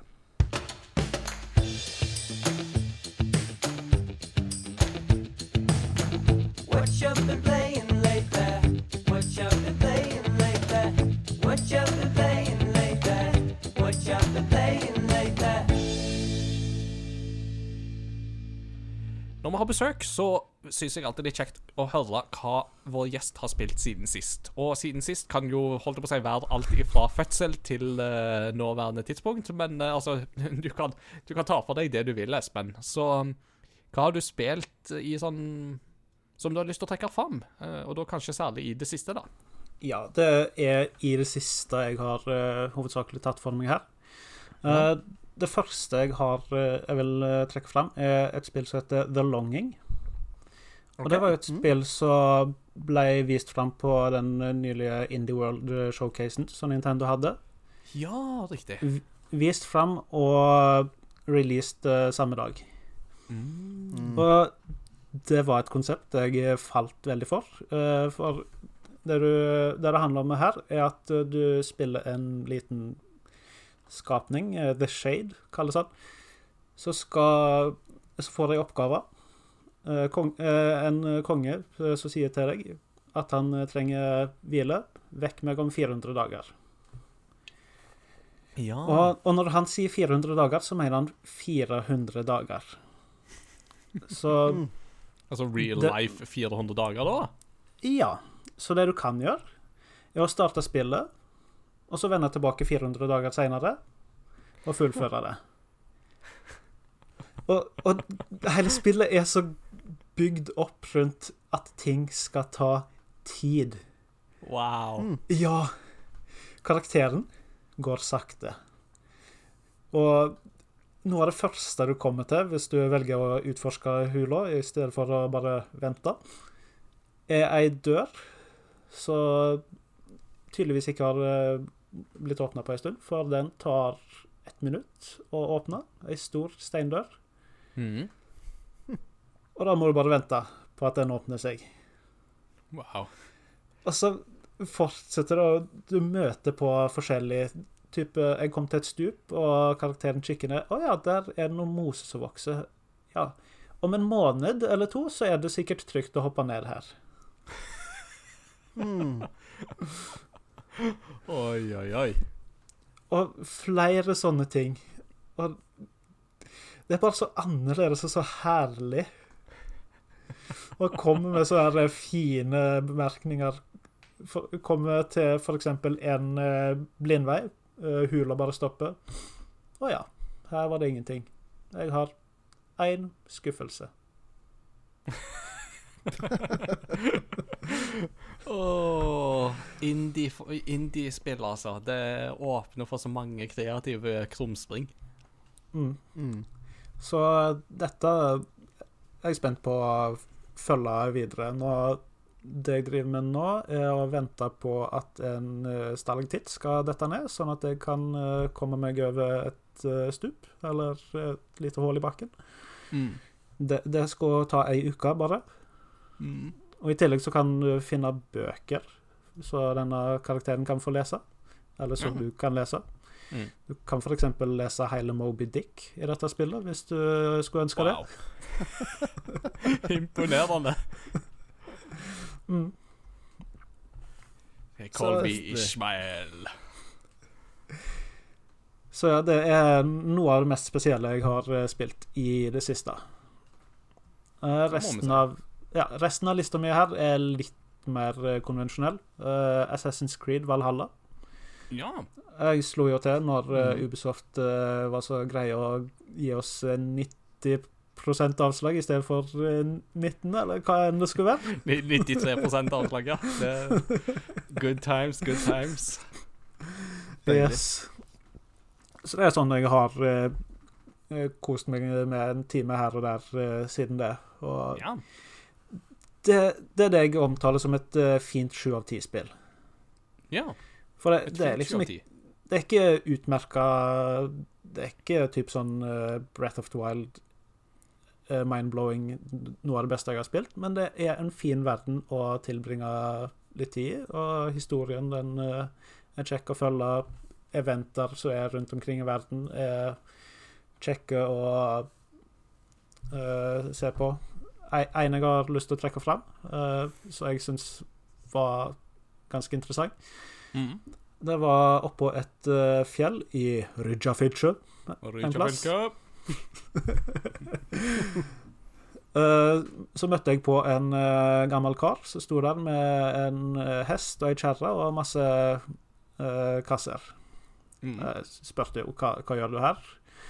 Og han er døden nær, men uh, han stoler ikke på at sønnene vil begrave han med tinga. Og at han da ikke skal få det med seg videre. Mm. Så han spør om hjelp til å uh, kaste dette utafor stupet. Ei- Eivor sier ja, vet ikke helt om det er sånn det funker, men uh, OK. Kast den, ut. Og når du da har eh, kasta ut alt, eh, så takker han fint og hopper etter. Nei, uff da. Ja. Den venta jeg ikke, men det var hans måte å sørge for at han gikk videre da, med eiendelene sine. Wow. Skal jeg si. Yes. Spørsmål i den forbindelse. Er du eh, herr Eivor, eller er du fru Eivor? Jeg er fru Eivor. Du er fru Eivor. Ja. Eivor, det er i mine ører et uh, kvinnenavn. Det er jo det. Så, Så, så en mannlig Eivor, det, det er bare feil i mine ører. Ja. Så det var ikke noe spørsmål det skulle være fru Eivor. Det er godt å høre. Yes. Good, good. Eh, ja, neste på lista her er Monster Hunter Rise. Ja, det er spennende. Mm. Uh, det er egentlig mitt uh, tredje Monster Hunter, men eh, mine to forrige forsøk på å spille Monster Hunter har liksom ikke klart å engasjere så veldig. Men uh, ja, fikk uh, nylig Monster Hunter Rise. Uh, og har, har ikke spilt det så, så mye, det heller, men hadde et par hunts i multiplayer. Og mm. fulgte opp med ja, å spille litt singleplayer òg, og bare se litt på hva som er der av, av content. Og det jeg vil si om Monster Hunter, er hvis du kanskje ser litt videoer og prøver å finne ut hva som er hva de forskjellige typer hunts er, så blir det med en gang mye mer oversiktlig. Mm. Jeg har Og- skjønt at opplæringa der ikke er så veldig god, for å si det sånn. Ja, så ekstern Mm. opplæring er kanskje å foretrekke. Mm. Men jeg tror jeg kan eh, få en eh, del check-timer med det framover. Mm. Spennende, spennende. Jeg gleder meg til å begynne på det sjøl, for jeg har ikke helt begynt uh, rocka å begynne. Så, men jeg gleder meg til den. Mm. Bare et kjapt spørsmål. Hva heter Palicoen din? Uh, Palico, det er katten Det, det er kattekrek. Uh, fine. Også, Kan, du for, kan du fortsatt bestemme hvordan de skal se ut og sånt? Uh, Ja da, det kan du. Åh, jeg kommer til å bruke altfor mye tid på character creation i dette spillet. det var helt seriøst. Monster Hunter World Jeg tror jeg brukte en time bare på å lage min character, og så deretter lage katten min. Uh, og at det var bare sånn Men det er en av de beste character creators jeg har vært borti òg, så hvis de leverer det samme her, så kommer det fort til å gå både to ti Kan det fort gå to timer der. Ja, du kan gjerne få til mye forskjellig. Jeg springer jo da rundt som en eh, Det jeg omtaler som en low budget Espen. Har litt likheter, men mm, Jeg er ikke helt der, altså. Ah, Betryggende slash urovekkende. Jeg kunne sikkert fått til noe bedre om jeg eh, ga det litt mer tid, men eh, jeg gadd ikke hive så mye tid på det. Mm. Mm. Og ellers så har jeg jo spilt uh, Portal og Portal 2 uh, med retrospillauge. Mm. Trenger jeg ikke snakke så mye mer om det, for eh, de, det pleier vel å bli podkastepisoder av eh, dette. Ja, det kan jo fort det blir, det blir jo fort en ekstra episode om Portal, men eh, du har kost deg i alle fall, har jeg skjønt. Har absolutt kost meg. Det var jo et veldig fint, veldig kjekt eh, møte med eh, de spillene. Det første hadde jeg jo spilt et par ganger før, eh, så det gikk ganske kjapt. eh, men det andre det, Ja, for det første så er det jo lenger. Og for det Mm. andre så hadde jeg bare spilt det én gang før, så puzzlesa satt ikke like godt der. Mm. Men de er absolutt en fryd å spille gjennom. Yes. Anbefaler de Mm. på det høyeste. Mm. Enig. Veldig, veldig enig der. Snakke om uh, Portal, uh, Mats Jakob. Har du blitt mm. ferdig med Portal 2? Det har jeg ikke. Det, det ligger og venter på meg. Eh, Det har vært overraskende lite tid til spilling i det siste. Ei, ei, ei. Men jeg har spilt noe. Ja. Er det min tur til å prate? Ja, jeg tenkte det hvis ikke Espen hadde noe mer han eventuelt ville chippe inn. Ja eh, Man driver jo og spiller DND, da. Mm. Så Ja, deilig. det, det sies jo det at å, høre, å fortelle om sin egen kampanje er det kjekkeste som fins, men å høre om andre sin kampanje er noe av det kjedeligste som fins. men jeg kan jo si det så at jeg er så heldig å få spille et par ganger i uka. Wow, Eh, det er bra. Mm. Eh, en gang i uka som DM. Eh, det skulle egentlig vært i dag, men vi flytta det til i går. Mm. Og på søndager som spiller. Ja. Nice. Nice. Artig, artig. Yes. Nei, jeg har ikke så mye å dele. Jeg har spilt litt med Yoshi med eldstemann. Mm. Det er veldig gøy. Og så, eh, når jeg fikk Nintendo fra Eirik, så måtte jeg teste noen spill. Så da eh, spilte jeg gjennom de første to-tre banene i Castlevania. Det var første Castlevania. Ooh, nice. Det, det er veldig gøy. Og vanligvis så reagerer ikke jeg på hastighet, eh, sånn PAL eh, mot NTSC, Mm. eh, i spill. Men i Castlevania reagerer jeg veldig på det, for jeg har hørt så vanvittig mye på soundtracket. Aha. Jeg ser det. Jeg, jeg hører bare med en gang smerten av å høre og da blir det sånn Oi, er det, altså, er det slow-mo, eller hva er det som skjer? Men eh, Så akkurat der er det liksom Der merker jeg det veldig. Vanligvis er jeg ikke så veldig kresen på sånne ting, men der eh, merker jeg at spillet går sakte, og det irriterer meg selv om jeg aldri har spilt det fortere. Jeg har alltid spilt det så sakte, men eh, jeg, jeg syns musikken er mye fetere når den går et knepp fortere. Det er liksom ikke uh, helt det samme her Det er en Vampire Killer med liksom. Nei, det skal gå sånn Du må liksom Get the beats. Ja, det skal gå litt fortere, men, uh, men spillet er dog like bra. ja. Uh, det spillet jeg har brukt mest tid på, er et, spill, et indie-spill på Nintendo Switch som heter Golf Peaks. Uh. Mm. Som er da et uh, minigolfspill, men eh, eh, hver verden introduserer en ny gimmick. Eh, som kan være eh, hopp, eller eh, at hvis du farga hull, sånn at hvis du spiller ballen ned i et oransje hull, så kommer du ut i et annet oransje hull. Det som er unikt med det her, er at du har et uh, begrensa antall moves. Og eh, det er et satt type moves. Sånn Mm. at eh, det kan være eh, Alt dette er basert på sånn isometrisk grid. ja. Ja, så det er sett sk skrått fra sida. Og så kan det være f.eks. at du har muligheten til å skyte ett felt fram, eller to felt fram, eller tre felt fram. Eller ett felt opp og to felt fram, eh, videre. Som gjør at det er ikke bare å gå rett Det er ikke bare å spille korteste vei. Du skal navigere med de eh, movesene du har fått, da. Mm. Eh, som gjør at det krever mye eh, Du må prøve og feile veldig mye, og så til slutt så skjønner du på en måte etter hvert hva som er Eller sånn Ofte så skjønner man det med en gang, men på de litt mer krevende brettene så, så er det litt mer sånn du må prøve og feile veldig mye, og etter hvert så skjønner du at eh, du må f.eks.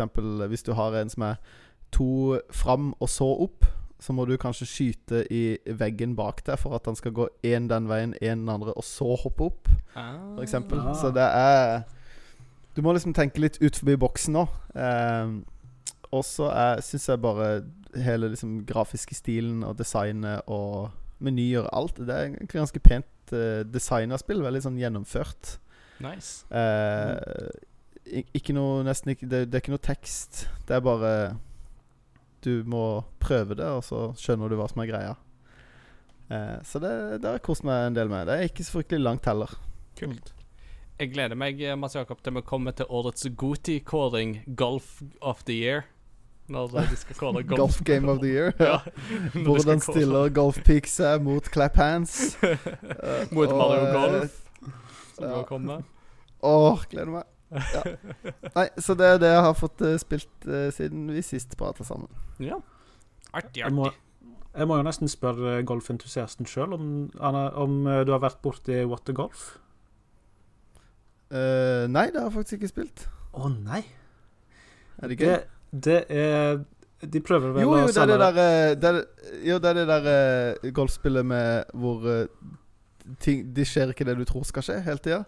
mm, Absolutt. Ja. Det Jeg har ikke prøvd det, men jeg, jo, ja. Høyst anbefalt, uh, spesielt i disse Portal-tider. Uh, det er bredt inspirert av Portal. Mm. Kult. Mer, mer. det, det skal jeg sjekke ut. Mm. Høyt anbefalt. Det må jeg jo få prøvd. Yeah. Um, Overwatch og Apex Legends går det jo i som alltid, så det skal jeg ikke snakke så mye om. Men jeg og kona har spilt ferdig It Takes Two. Eh, dette spillet kult. som du må spille sammen med en annen person.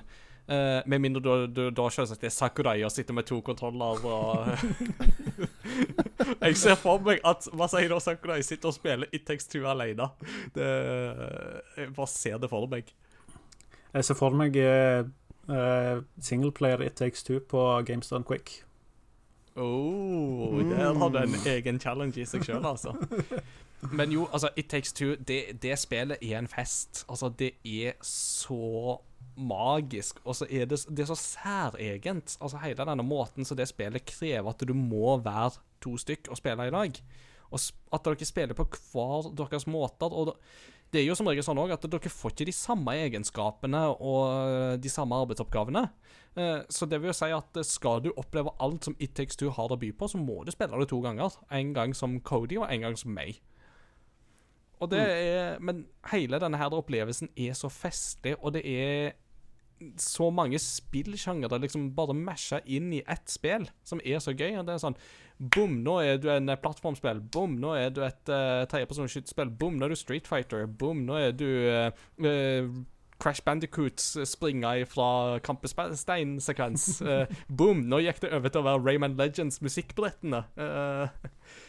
Eh, boom, nå er det et uh, musikkdansespill uh, i stedet. Det er sånn Det har alt, og det er så gøy. Og så er det bare så gjennomført koselig og rørende historie òg, som har på en måte noen sånne mørke sider av og til. Og det er særlig Særlig en sekvens som involverer en viss elefant. Kommer jo til å hjemsøke meg i terapi i mange år framover.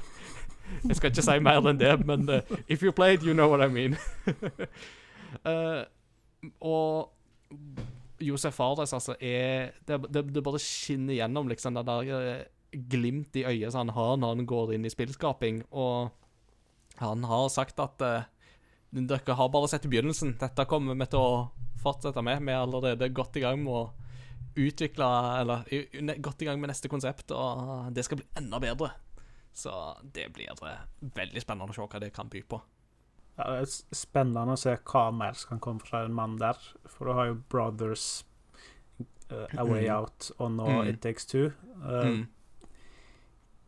Spennende konsepter, alle tre. Uh, har spilt store deler av Brothers, ikke helt gjennom, dessverre. Store deler av A Way Out, Mm. ikke helt gjennom der heller. Mm. Men det er jo flotte spillopplevelser, og A Way Out hadde jo eh, dette kjekke kjekke med at én spiller kunne være i en cutscene, mens den andre kanskje gikk i bakgrunnen og fant Mm. på Satt uh, an- noe tull, eller Mm. og, Eh, og bare en mann i seg sjøl er jo en karakter. For å si det mildt. Eh, nei, han har jo i en av disse teaser-videoene til, til, til um, It Takes Two, så har han jo snakka om at eh, Nei, nei, Istedenfor å konsentrere oss om å hive inn masse shiny prikk, prikk, prikk eh, i spillet som folk bare skal samle på bare for å samle, så har vi faktisk gjort det gøy å spille. Det er bare sånn Yes, det har dere. Det er ikke noe sånn der uh, samle, meningsløse samleobjekt her, eller noe sånt. Det er bare genuint gøy å spille. Uh, han har jo til Og easter egg. Han har klart å snike inn sin lille rant om the Oscars inn i spillet. Så hvis du leiter, så kan du faktisk uh, zoome inn, og så kan du bare høre liksom sånn Is it okay? Can I swear? Yeah, it's okay, you can swear. Uh, beep the Oscars! og liksom kommer hele den der raljeringa si om Oscars-utdelinga. Og, og det er sånn ah, ja, ja.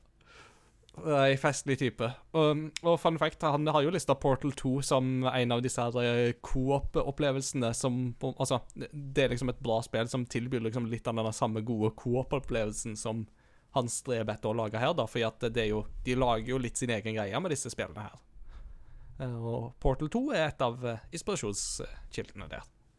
Så det er gøy. Um, jeg har òg spilt ferdig Ratchet Clank på PlayStation 5. Det var et artig spill. Det var første gang jeg spilte Ratchet Clank. Det var veldig min type humor og fargerike gameplay og sånt. Uh, selv om du merker at eh, nivådesign og sånt henger litt igjen i PlayStation 2-æraen, så mm, det er liksom Det er ikke alt det som er ellers like godt på en måte, men jeg gleder meg veldig nå til uh, Rift Apart, når det kommer. Og nå har vi jo fått eh, se litt mer av det spillet òg. Og i kveld mens vi tar det opp, så kommer det jo ganske mye mer eh, av det spillet så mm, de skal vise fram. Så det blir veldig artig å teste. Og så Kult. ja, og så har jeg gjort noe veldig gøy. Jeg har nemlig introdusert kona for Uncharted, The Nathan Drake Trilogy. Mm. Eh, Så det For etter at vi har spilt It Takes Two sammen, så har hun lyst til at vi skal spille enda mer i lag. Uh, og da tenkte jeg sånn at Ja, men Uncharted, det kan du spille, og så kan jeg sitte og se på. Og så kan jeg eventuelt overta hvis det blir for kaotisk med visse partier og sånt. Så nå har vi gått i gang med første Uncharted. Og hun er ikke så vant med å spille den type spill, men jeg syns hun tar det veldig, veldig fort. Uh, og inkludert skytemekanikkene. Eh, selv om eh, det er jo ikke det beste med det spillet, er jo ikke liksom skuddvekslinger og sånt, så jeg har liksom sagt den at det, det blir bedre, da. Uh, men uh, du merker at det, det er ikke en sjanger som du er helt vant med å spille, for hun er mer vant med å spille sånn MMO-er og der det er masse lut og sånne ting. Og det merka du da den første fienden som hadde granat, kasta en granat. For at det, I Uncharted så er det sånn at når en fiende kaster en granat, så ser du det som en sånn kvitt prosjektil som lander, og så blinker det rødt, og så blinker det mer og mer og mer, til det til slutt sprenger. Og da er det jo normalen at det, jo mer det blinker, så skal du springe vekk. Men hun var så vant med at det, det er liksom, hvis det er ting som blinker, så er det lut. Så var det bare sånn oh, hva er det? Og så pum! Og jeg lo jo object. padde Og jeg lo, jeg, jeg lå paddeflat på sofaen og lo, fordi at det var Som jeg sa, det var ADHD-hjernen din som bare kicka inn i praksis. Det var sånn oh, hva er det? og jeg fikk lov av å fortelle den historien, for hun syntes det var kjempefestlig sjøl. Men, men, men det er så gøy, da, for at hvordan vi tolker inntrykk i spill, er jo så avhengig av referanserammen som vi har. Og det er jo, og For henne så er referansen at det, det er liksom, hvis det blinker, så er det shiny, det er loot, det er noe du skal plukke opp. Og hvis det da blinker liksom fort, så er det i ferd med å forsvinne, og da må du skynde deg å, å ta det. Så hun var bare sånn der, oh, hva er det? Og ja, det gikk jo som det gikk. uh, så nei, jeg, eh, jeg hadde veldig gøy med å se på Uncharted så langt, og gleder meg til å fortsette å kikke på, på det som spillprosjekt. Men toppen av kransekaka, det er New Pokémon Snap, som jeg nå har lov å snakke om. eh, eh, som jeg har anmeldt for Game Reactor. Og det er veldig kjekt. eh, for det er jo da første gang Pokémon Snap uh, dukker opp siden Nintendo 64. Så det er 21 år siden vi i Europa fikk spille noe Pokémon Snap sist. Eh, og faktisk så er det fortsatt like gøy. De har klart å modernisere den formelen veldig bra, samtidig som de har ivaretatt kjernen i spillet, som da er rail shooter, der du du tar bilder istedenfor å skyte ting. Uh, og det er bare så avslappende og så superkoselig å kjøre rundt i naturen og se på en Pichu og en Grookey som leker i lag og smiler og leker seg, eller en Gengar som plutselig dukker opp og skremmer noen stakkars eh, lokale akrobat, eh, krabater, eller en svær whalelord som kommer ut av vannet og bare ruff, legger seg opp på havoverflaten. Det er sånn at uh, jeg savner egentlig bare et sånn kommentarspor av David Attenborough i dette spillet. Det var sånn And here we can see a Pikachu in its natural habitat. Som virkelig hadde vært, vært kjekt. Eventuelt Ewan McGregor som bare sånn We're looking at sea otters. Six of them. Nei. eh, men jo, New Pacman Snap.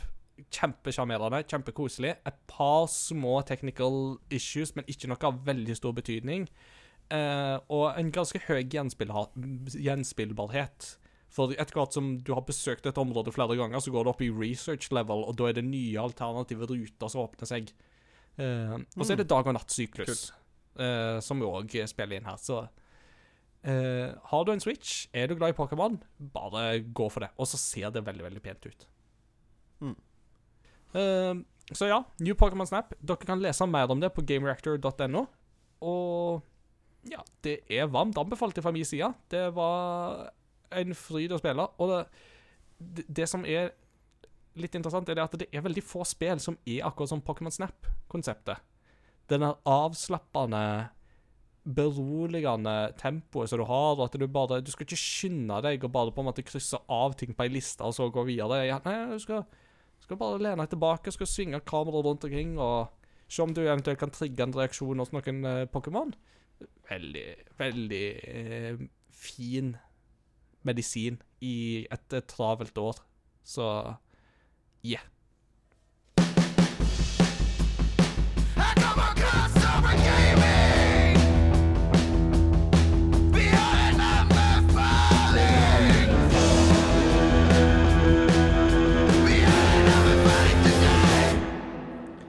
Vi begynner å nærme oss en avslutning, men før vi kommer så langt, så skal vi ha en anbefaling og to. Og Espen, det er da du som har anbefalingen i dag, som gjest. Og da lurer jeg på, hva har du med til oss? Uh, ja, uh, siden jeg ikke er her så ofte, så Greit, vi skal gjøre noe med det. Det er greit. det er greit. Jeg tar hintet. Nei, nei, siden jeg ikke pleier å uh, hive ut så mye anbefalinger, så har jeg tatt med meg tre stykk i dag. Mm. Og den første, eh, den eh, Det er ei bok. eh, eller mer spesifikt ei lydbok. Det var altså Som sagt så er jeg jo lærerstudent, og Mhm. når jeg tok engelsk, så leste vi jo en del bøker. For å komme gjennom de bøkene så er det kanskje greit å ty til lydbok. Ja. Og da var det ei av bøkene som utmerka seg veldig For meg og egentlig hele klassen var enige om at den ja, utmerka seg. Og det er boka 'Angelus Ashes' av eh, Frank McCourt. Mm. Og det, det handler om eh, da ja, om Frank McCourt uh, sjøl. Mm. Så født i 1930, eh, vokste opp eh, ja, i en fattig familie. Først i New York, før han flytta eh, Før familien flytta hjem igjen til Irland, uh, til Limerick. Og det er en uh, flott historie om hvordan han om, ja, om alt han møter i, ja, som en fattig, fattig irsk gutt. Og hans møte med fattigdommen og en alkoholisert far. Men så er det fortalt så bra, syns jeg. Mm. Eh, så det er bare sånn eh, veldig rett på. Går ikke så mye rundt grøten. Samtidig så er det en del av det som blir sett med barneøyne. Mm. Og det som hever dette til et nytt eh, nivå, er jo lydboka som er lest inn av Frank McCourt sjøl. Oh.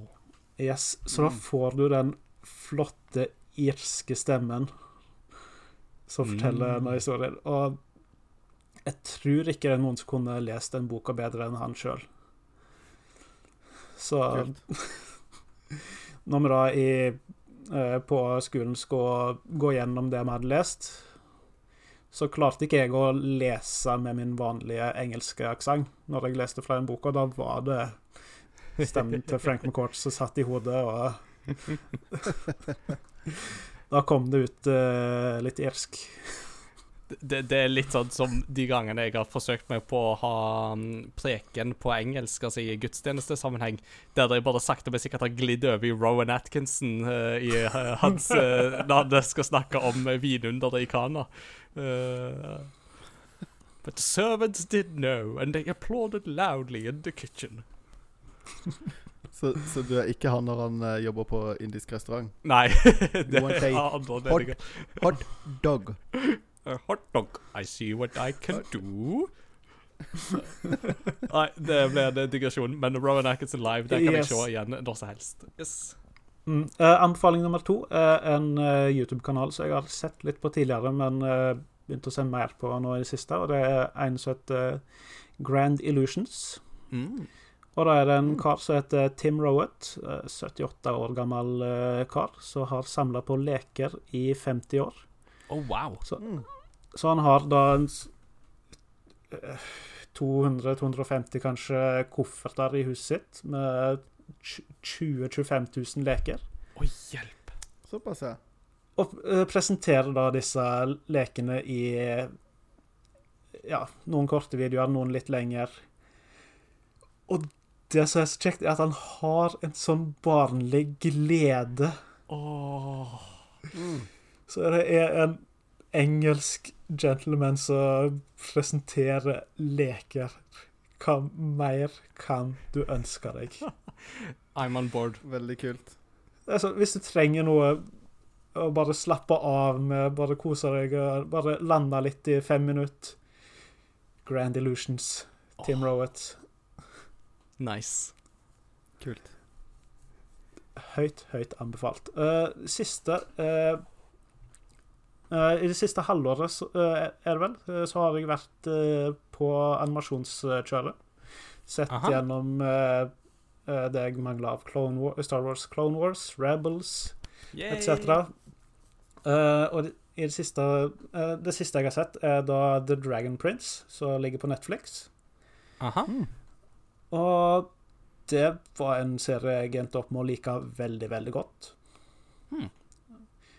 Eh, konseptet er da elver, mennesker uh, Verden er splitta, de er i krig med hverandre. Mm. Uh, helt til uh, ei gruppe En alv og et par mennesker, prinser, så finner drageegget.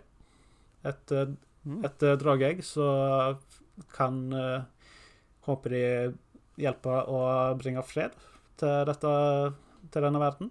Mm. Og det som jeg liker så godt med denne her, er karakterene.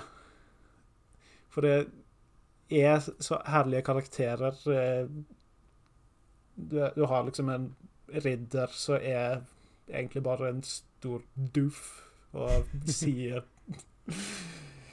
Ja, lav intelligens, sier mye silly, og sjøl de karakterene som kanskje skal være mer alvorlige, litt smartere, sier så mye rart og dumt og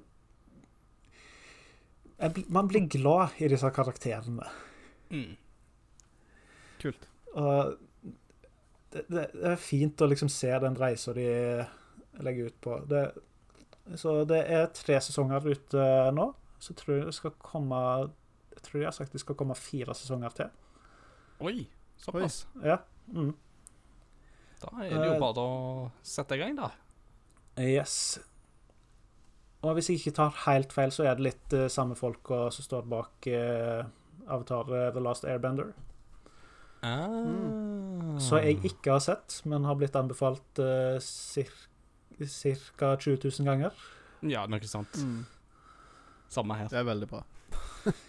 Så da vil jeg bare svare med å anbefale Dragon Prince. Mm.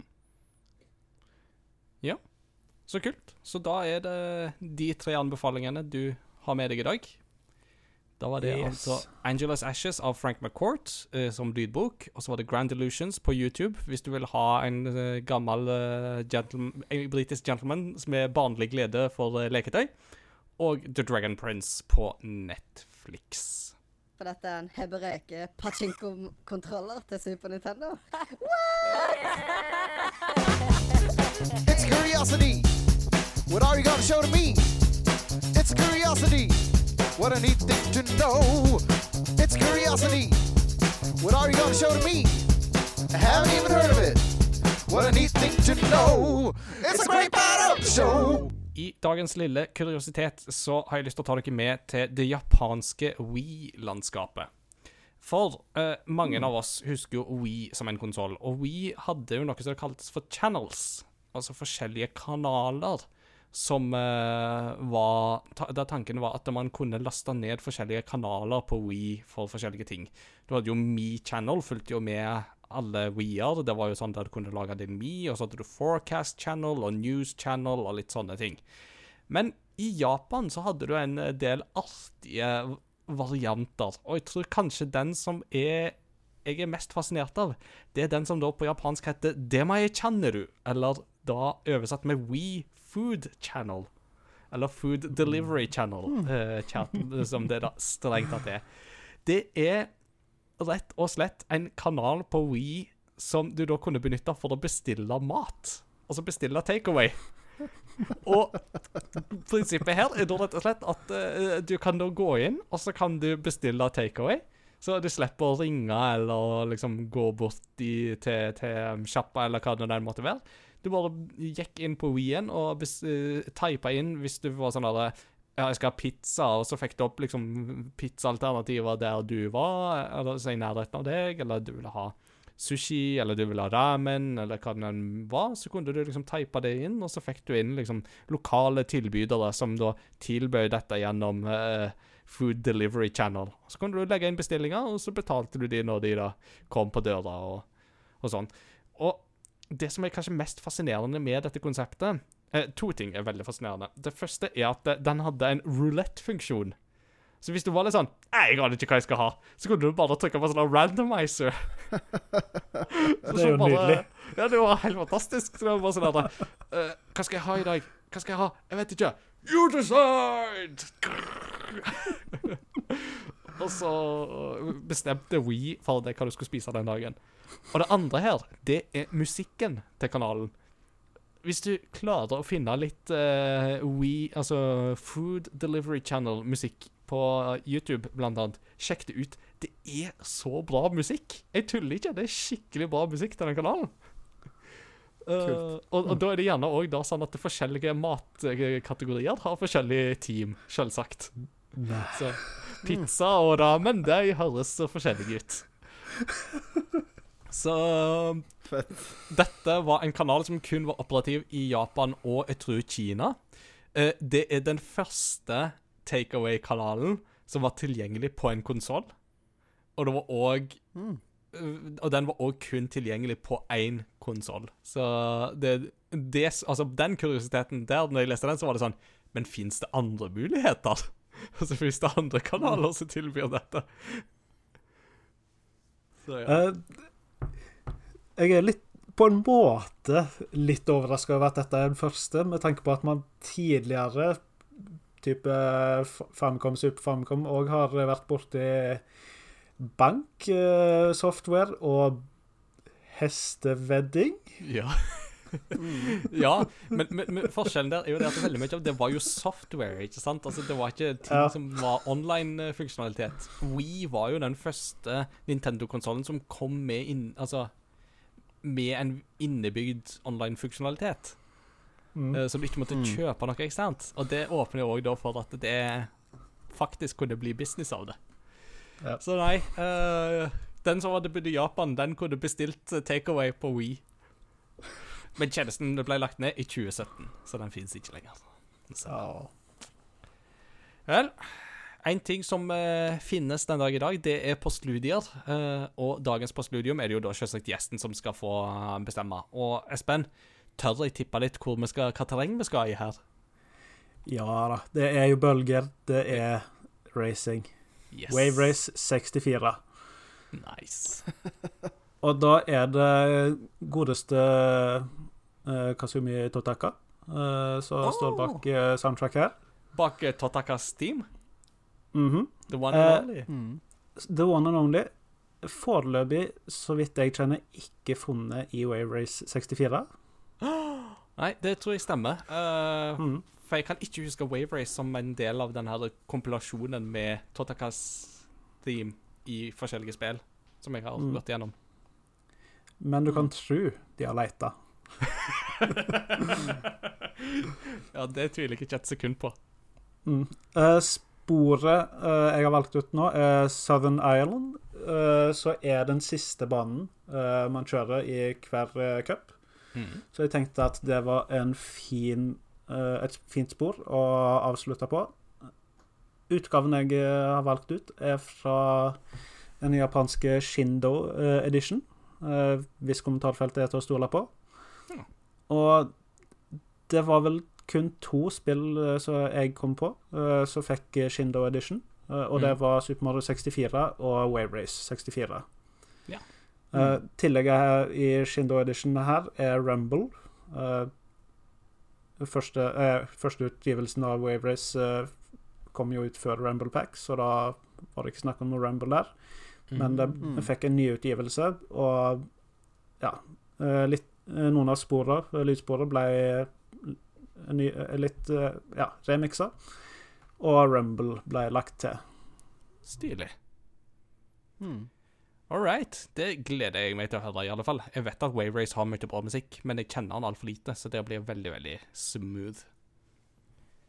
All right. Espen, tusen hjertelig takk for at du tok deg tid til å være med og snakke om Nintendo 64. Det var en eh, blast core. Hei. Ja, det har vært en fryd å være med.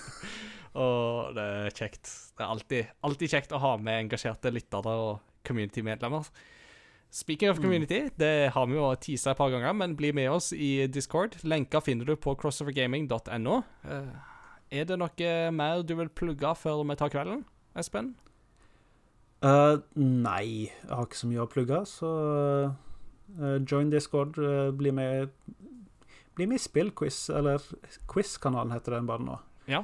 Der, der, skjer, der skjer det mye gøy. Mm. Mm. Alltid greier. Og Retrospellauget. Nå i kveld så skal vi begynne å stemme over nytt spill i Retrospellauget, så også du kan være med og bestemme hva vi skal spille. Hei. Vi. Mats Jakob, noe du vil plugge før vi tar kvelden? Nei. Nei. Da bare plugger jeg eh, som vanlig og sier takk for i kveld, takk for i dag. Takk for at du hører på oss. Anbefaler oss til dine venner og kjente. Vi snakkes ved neste korsvei, og da kommer det òg til å gå som en dans. Ha det bra! Ha det. Ha bare